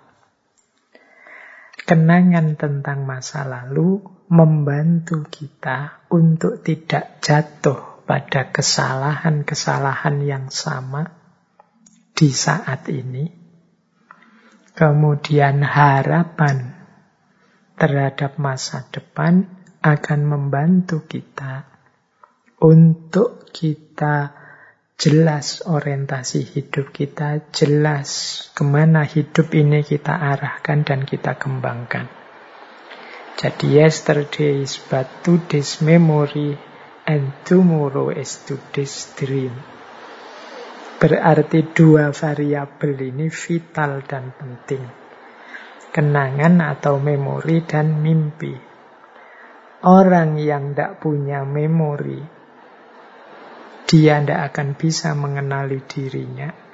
Dia tidak ingat kemarin-kemarin dia itu siapa, seperti apa dirinya.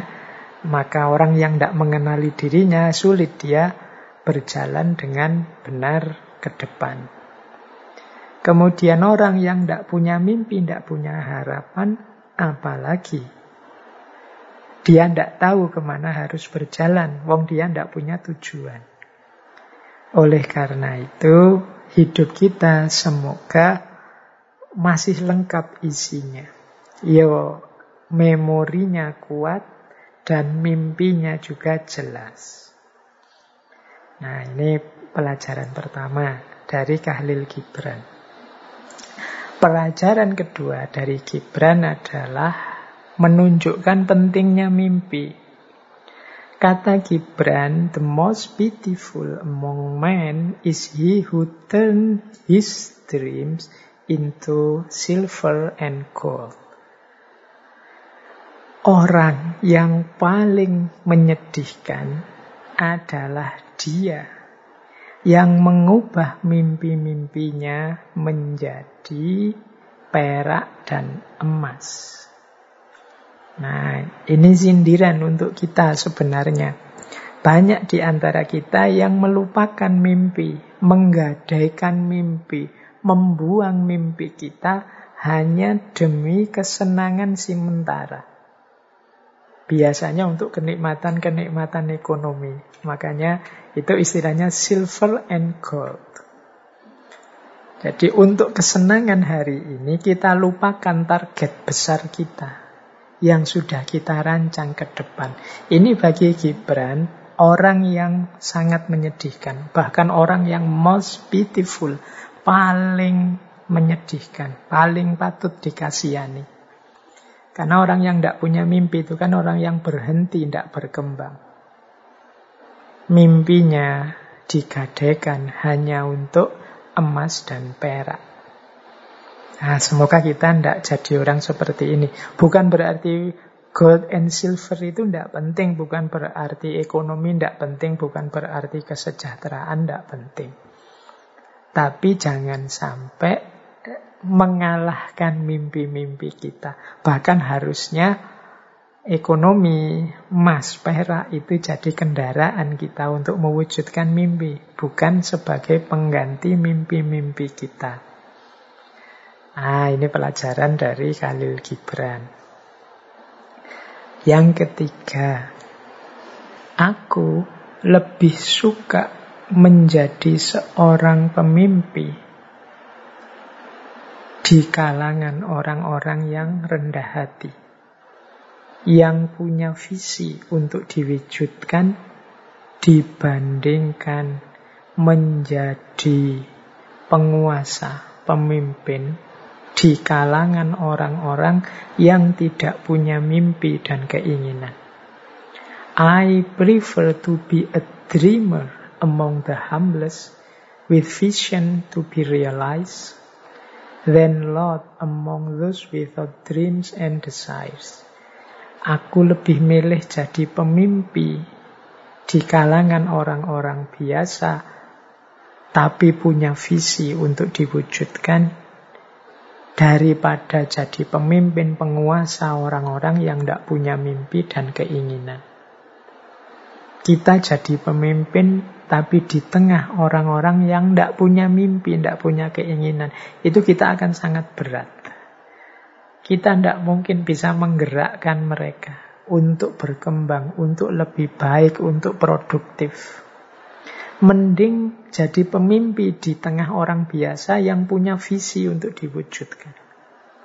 Jadi Pemimpi itu kan maksudnya orang yang punya target besar. Meskipun tidak punya modal besar, among the humblest, orang-orang biasa saja, tapi punya visi. Orang yang punya visi, punya mimpi, punya cita-cita, ini pasti punya semangat, punya gairah untuk bergerak. Jadi lebih baik. Sehingga kata Gibran, wes lebih enak jadi pemimpi yang punya visi, meskipun di kalangan orang biasa daripada jadi pemimpin di tengah orang-orang yang tidak punya mimpi, tidak punya keinginan. Ini selisih satu huruf antara pemimpi dan pemimpin. Mending jadi pemimpi saja, berarti ada hal yang ingin diwujudkan, ada mimpi-mimpi yang ingin diaktualkan, dibandingkan jadi pemimpin tapi tidak punya mimpi, tidak punya keinginan. Berarti kita akan mandek, tidak bergerak. Nah ini beberapa dari Khalil Gibran ini menegaskan pentingnya mimpi. Terus beliau juga menyatakan seperti ini. They tell me If you see a slave sleeping, do not wake him, lest let he be dreaming of freedom. I tell them, if you see a slave sleeping, wake him and explain to him freedom. Mereka bilang padaku, kalau engkau melihat seorang budak tidur Jangan dibangunkan dia, biarkan dia bermimpi tentang kebebasan. Aku bilang pada mereka, kalau engkau melihat seorang budak tidur, bangunkan dia dan jelaskan padanya tentang kebebasan. Nah, pernyataan yang ketiga ini ini selaras dengan tadi yang kita sampaikan, mimpi jangan biarkan hanya jadi mimpi. Dia harus diupayakan, diwujudkan. Jadi ini kan ada drama yang dibuat oleh Gibran.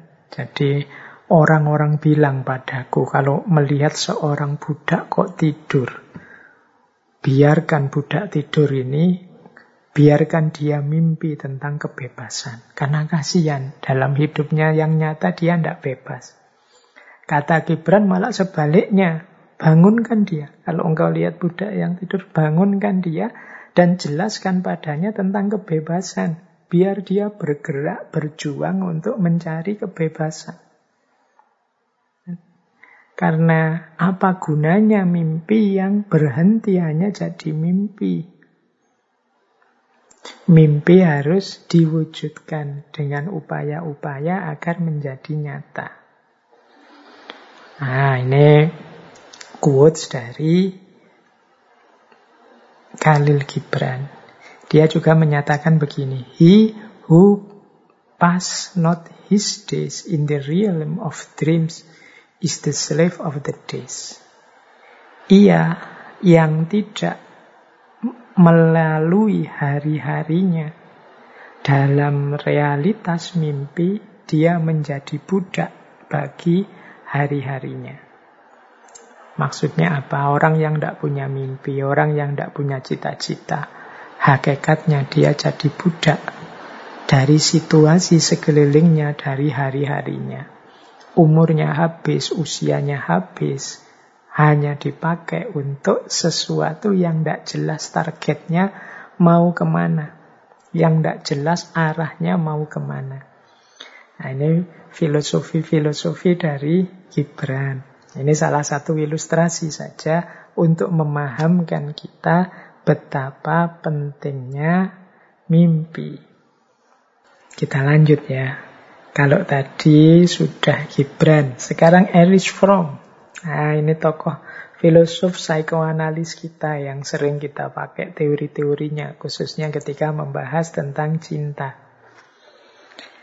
Kata Erich Fromm begini, A dream is a microscope through which we look at the hidden occurrences in our soul. Mimpi adalah mikroskop yang melaluinya kita melihat peristiwa-peristiwa dalam jiwa kita yang tersembunyi. Jadi Erich Fromm ini kan termasuk alirannya psikoanalisis. Meskipun beliau mengkritisi beberapa gagasannya Sigmund Freud. Tapi beliau juga menyatakan bahwa mimpi itu adalah seperti mikroskop. Dia menggambarkan isi jiwa kita yang tersembunyi. Mimpi menunjukkan aslinya kita yang seperti apa. Nah, ini mimpi yang bukan motivasional tadi ya, mimpi yang kita alami saat tidur tadi. Nah, Erich Fromm juga bilang begini, both dreams and myth are important communication from ourselves to ourselves. Jadi kata Erich Fromm, baik mimpi maupun mitos-mitos itu sebenarnya jalan komunikasi dari diri kita kepada diri kita. If we do not understand the language in which they are written, we miss a great deal of what we know and tell ourselves in those hours when we are not busy manipulating the outside world. Kalau kita tidak paham bahasanya, in which yang tertulis di dalamnya, kita akan melewatkan hal penting yang besar yang harusnya kita tahu tentang diri kita. Yang terlewatkan ketika kita sibuk memanipulasi dunia di luar diri kita. Jadi mimpi itu adalah gambaran isi jiwa kita dan melalui mimpi sebenarnya jiwa kita ingin menyampaikan sesuatu kepada kita. Kalau kita cuek, tidak mau memahami apa sih yang ingin disampaikan, ya kemungkinan kita melewatkan banyak hal yang harusnya kita pahami tentang diri kita. Ini masih berhubungan dengan mimpi dari perspektif psikoanalis tadi. Jadi versinya Erich Fromm mimpi itu intinya penting bagi kita untuk memahami gambaran mental jiwa kita. Memahami apa yang kita inginkan, apa rahasia-rahasia diri kita, memahami diri kita seutuhnya. Jadi kalau Khalil Gibran tadi banyak menjelaskan mimpi dari aspek motivasional personal, kalau Erich Fromm menjelaskan mimpi dari aspek psikologisnya. Saya tambah satu lagi dari tadi ya Paulo Coelho. Dia bilang begini, remember your dreams and fight for them. Ingat-ingatlah mimpi-mimpimu dan berjuanglah untuk mimpi-mimpi itu. You must know what you want from life. Engkau harus tahu apa yang engkau inginkan dalam hidupmu. There is just one thing that makes your dreams become impossible. The fear of failure. Jadi hanya ada satu hal yang membuat mimpimu tidak mungkin, yaitu ketakutanmu sendiri akan kegagalan. Jadi kita hidup harus punya mimpi dan berjuang mewujudkan mimpi itu. Pasti berhasil, karena yang menggagalkan mimpi kita itu hanya satu, yaitu apa? Ketakutan kita sendiri akan kegagalan. Karena kita takut gagal, biasanya terus kita tidak berani bermimpi. Baik, itu beberapa perspektif filosofis tentang mimpi selain yang saya jelaskan di awal-awal tadi. Terakhir masih ada waktulah kurang lebih 15 menit. Kita ambil beberapa tips ya. Ini lagi-lagi tips motivasional untuk kita bisa bermimpi yang benar dan mewujudkan mimpi yang benar. Jadi ini semacam rangkuman tadi dari berbagai urean yang saya sampaikan di depan. Ini hal-hal konkret apa yang kita lakukan kemudian. Sehubungan dengan mimpi dalam rangka kita membentuk diri kita secara positif. Yang pertama, pasti dan tentu saja kita harus punya mimpi. Kita harus berani menentukan apa yang kita inginkan. Kita harus berani bermimpi besar. Kita harus punya target yang besar. Ini yang pertama ini. Kalau mimpi saja tidak berani ya nanti tidak ada gunanya penjelasan ke belakang ini. Jadi mari menetapkan target tujuan untuk mewujudkan mimpi-mimpi. Mari kita mulai sekarang untuk menghindari distraksi-distraksi yang menjauhkan kita dari mimpi. Orang yang punya mimpi itu kan ibaratnya orang yang jelas target hidupnya. Berarti dia tahu nanti dia mau ke mana, tujuannya apa. Nah, tahap selanjutnya yang pasti menghindar dari apa pun yang membuat kita terdistraksi, membuat kita melenceng dari jalur mewujudkan tujuan tadi. Ini yang pertama. Jadi, ayo bermimpi Mari menetapkan tujuan dan pelan-pelan mari menghindar dari apa pun yang menjauhkan kita dari tujuan. Menghindari distraksi ini agak saya tekankan karena hari ini banyak sekali hal yang bisa mendistraksi kita. Khususnya karena aktivitas-aktivitas kita yang hari ini sebagian besar di dunia maya. Keramaian hidup kita sebagian besar kan di ranah online media sosial dunia maya itu kita ketemu banyak sekali distraksi-distraksi sehingga tenaga, waktu, fokus hidup kita sering tersita di situ sehingga kita terpalingkan dari mimpi-mimpi kita. Jadi yang pertama itu. Yang kedua, untuk mewujudkan mimpi-mimpi itu tentu saja harus kita punya rasa percaya diri. Kalau kita tidak yakin mimpi kita bisa terwujud, kalau kita tidak yakin bisa mencapai tujuan, ya pasti tidak bisa terwujud mimpi-mimpi kita. Tidak bisa sampai kita ke tujuan kita. Kita harus percaya bahwa kita mampu, kita bisa. Seperti di dulu waktu kita membahas bulan lalu, bahas self-love itu, ayo memanfaatkan antara lain self-talk yang positif. Jadi kita bicara dengan diri kita tapi secara positif. Mengapa begitu? Ini loh, jadi saya kemarin membaca itu. Jadi setiap orang itu rata-rata dalam sehari itu berpikir kalau dihitung itu sekitar 50 ribu kali. Berpikir oh ya kita itu kan begitu bangun tidur, otak kita aktif itu kan jalan pikiran kita. Tentang apa saja, tentang segala hal. Nah itu 50 ribu kali. Dan 50 ribu ini sebagian besar adalah tentang diri kita sendiri.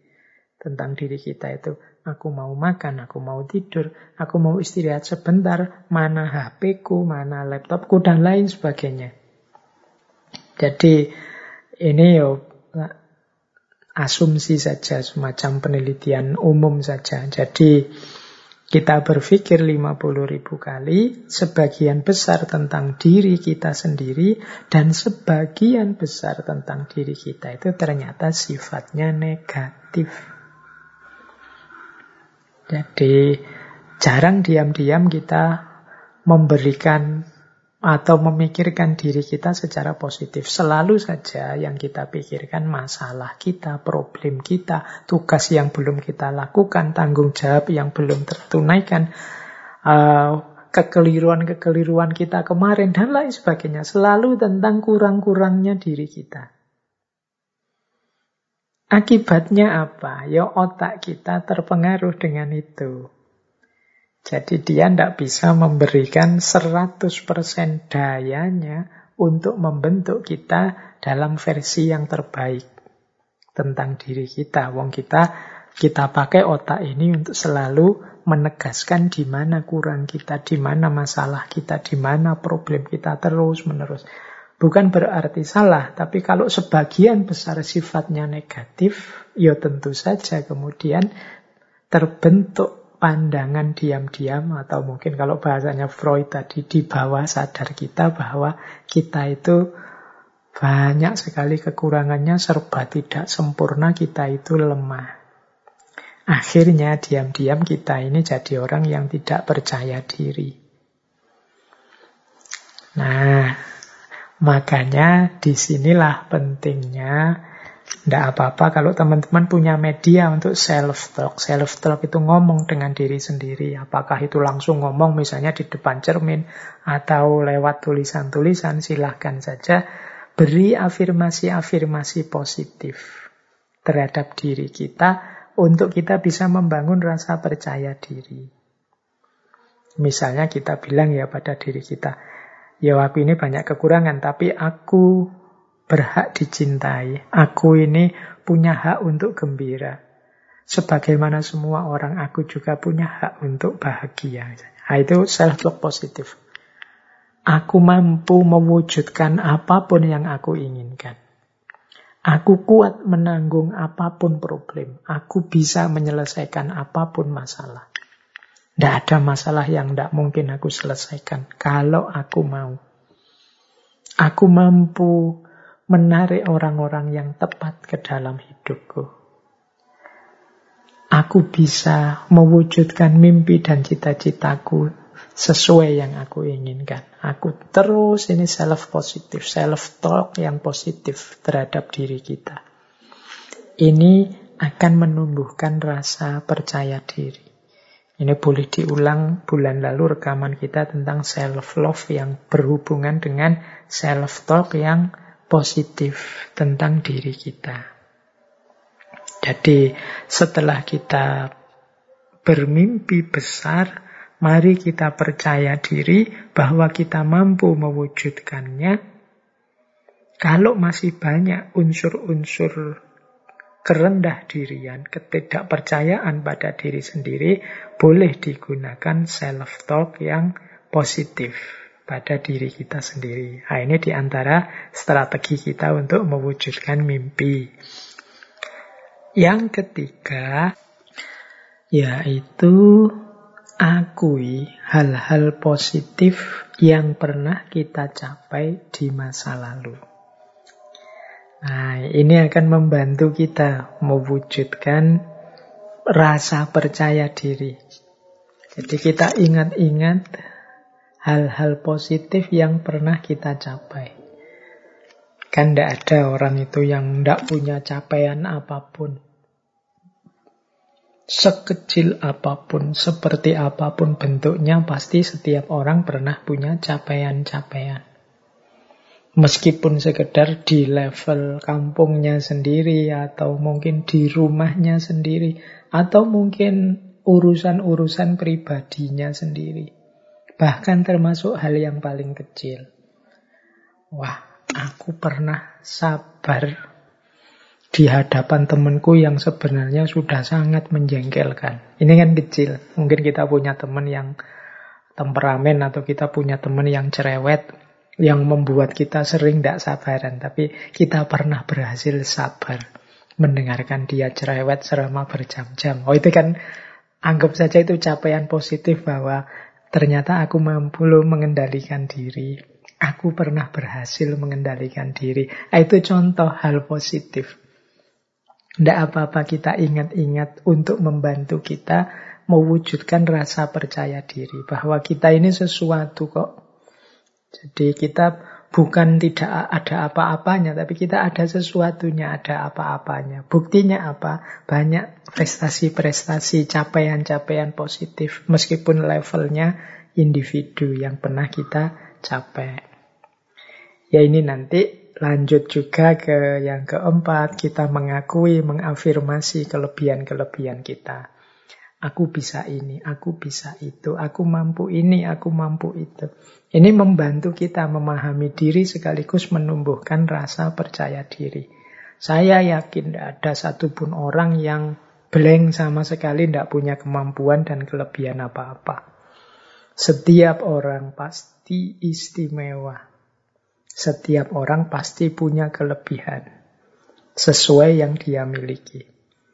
Hanya saja mungkin dia melupakannya atau tidak menganggap itu sebagai kelebihan. Bisa jadi kan belum tahu, Pak. Kemungkinan sudah tahu, tapi mungkin dia tidak menganggap itu sebagai sebentuk kelebihan. Nah, mari kita bahasakan apa pun yang kita bisa sebagai kelebihan. Misalnya, meskipun hal kecil. Saya bisa makan secara serius Pak. Nah, itu itu kan juga kelebihan saya bisa minum. Saya usahakan selalu sambil duduk, tidak sambil berdiri. Meskipun sama orang yang lain sambil berdiri dan lain sebagainya itu bahasakan saja sebagai kelebihan-kelebihan dalam rangka membangun rasa percaya diri kita. Nah, selanjutnya ada strategi spesifik yang sering dijadikan tips banyak motivator yaitu apa? Visualkan tercapainya keinginan kita. Ini pernah saya jelaskan di waktu kita sesi The Law of Attraction. Jadi memvisualkan keberhasilan. Misalnya bayangkanlah teman-teman sedang menerima trofi juara pertama apa dan rasanya gembira sekali. Itu namanya memvisualkan. Bayangkanlah di atas pelaminan berdua dengan orang yang kita cintai dan saat itu kita betapa berbunga-bunga. Keluarga juga begitu gembira melihat kita merestui. Itu namanya memvisualkan dalam pikiran kita. Bayangkan betapa orang kemudian tepuk tangan mengagumi kita saat kita berhasil meraih ini dan lain sebagainya. Itu namanya memvisualkan, membayangkan. Nanti aku akan seperti ini. Bayangkan ketika kita sukses tadi ya, ada cita-cita jadi presiden. Wah saya kita dilantik di depan MPR, ditonton orang se-Indonesia misalnya. Visualkan. Ini akan membantu kita menguatkan keinginan kita juga. Ini kalau pakai the law of attraction itu akan menarik apa yang ada di sekeliling kita, mendukung keinginan kita. Nah, yang keenam, Tentu saja kerjakan yang sudah kita rencanakan. Ya harus di jangan diam saja. Tadi ada tahapan-tahapannya. Kita cari ilmunya, kita gali potensi kita yang sesuai, kita tetapkan uh, destinasi-destinasi setahap demi setahap, langkah-langkahnya dan lain sebagainya. Yo yang nomor 6 ini yo wajib kita jalankan biar mimpi tidak sekedar mimpi. Kalau kita hanya memvisualkan saja tanpa mengupayakan, tidak melakukan apa saja, terus diam, pasif. Kita mengakui kelebihan kita, terus diam saja. Ya mimpi tetap akan jadi mimpi. Tidak berperan sebagai orientasi dan tujuan. Maka harus kita jalankan, ada upayanya. Yang ketujuh, kita harus terbuka kalau ada kritik dan masukan yang baik, yang produktif dari orang lain. Terbuka itu bukan berarti masukannya orang lain pasti diterima. Tapi monggo kalau ada orang mengomentari kita, mengkritik kita, nanti kita menyesuaikan. Ini cocok enggak, sesuai enggak dengan target dan keinginanku. Jangan jadi orang yang tertutup. Karena kita juga manusia yang terbatas. Kadang-kadang yang kita anggap baik, kita anggap excellent, ternyata dalam pandangannya orang lain yang mungkin luput kita lihat, mereka lebih tahu sisi-sisi lemahnya. Nah, itu pentingnya kita untuk selalu terbuka masukan dan kritik dari orang lain. Yang kedelapan, jangan pernah menyerah terhadap mimpi kita. Mungkin banyak kesulitan, mungkin banyak hal-hal yang mendistraksi kita, mungkin banyak masukan-masukan yang membuat kita down. Tapi jangan pernah menyerah. Boleh teman-teman mengambil pelajaran dari banyak tokoh tokoh besar dunia siapa pun atau idola-idola teman-teman siapa pun yang begitu tekun, begitu panjang menyerah apa pun kesulitan hidupnya. Tapi jangan pernah menyerah atas mimpimu. Kalau kata Khalil Gibran tadi kan, jangan mau menukar mimpimu dengan emas dan perak. Yang kesembilan, kalau nanti sukses, syukuri dan rayakan. Jangan dianggap sepi, jangan dianggap biasa. Biar nanti lebih semangat lagi. Wah ternyata segembira ini sukses. Ah itu terus Berarti ayo target lagi ya, itu loh ke depannya. Biar lebih semangat. Kalau sudah sukses kok santai saja, ya sudahlah, sudah berhasil sekarang.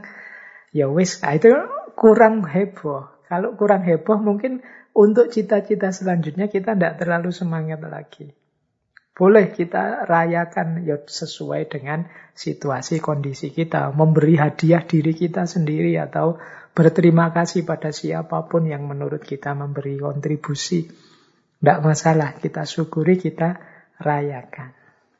Dan yang terakhir, tentu saja ketika mimpi-mimpi kita tercapai, terwujud, orientasi hidup kita semoga tidak hanya kesenangan, kenyamanan kita sendiri, tapi juga berbagi manfaat, berbagi maslahat kepada sesama atas capaian atau kesuksesan tersebut. Jadi jangan mengejar senang sendiri, sukses sendiri, berhasil sendiri, tapi juga selanjutnya berpikir apa yang bisa diberikan untuk sesama Oke, saya kira itu ya teman-teman. Ternyata waktunya sudah sampai, malah sudah lewat sedikit. Saya kira itu materi untuk malam hari ini. Jadi pesan utamanya, beranilah bermimpi dan seriuslah wujudkan mimpi tadi. Di situlah nanti diri kita terdefinisikan. Saya kira itu untuk malam hari ini. Kurang lebihnya mohon maaf. Wallahul muwafiq. Wallahu a'lam bisawab. Wassalamualaikum warahmatullahi wabarakatuh.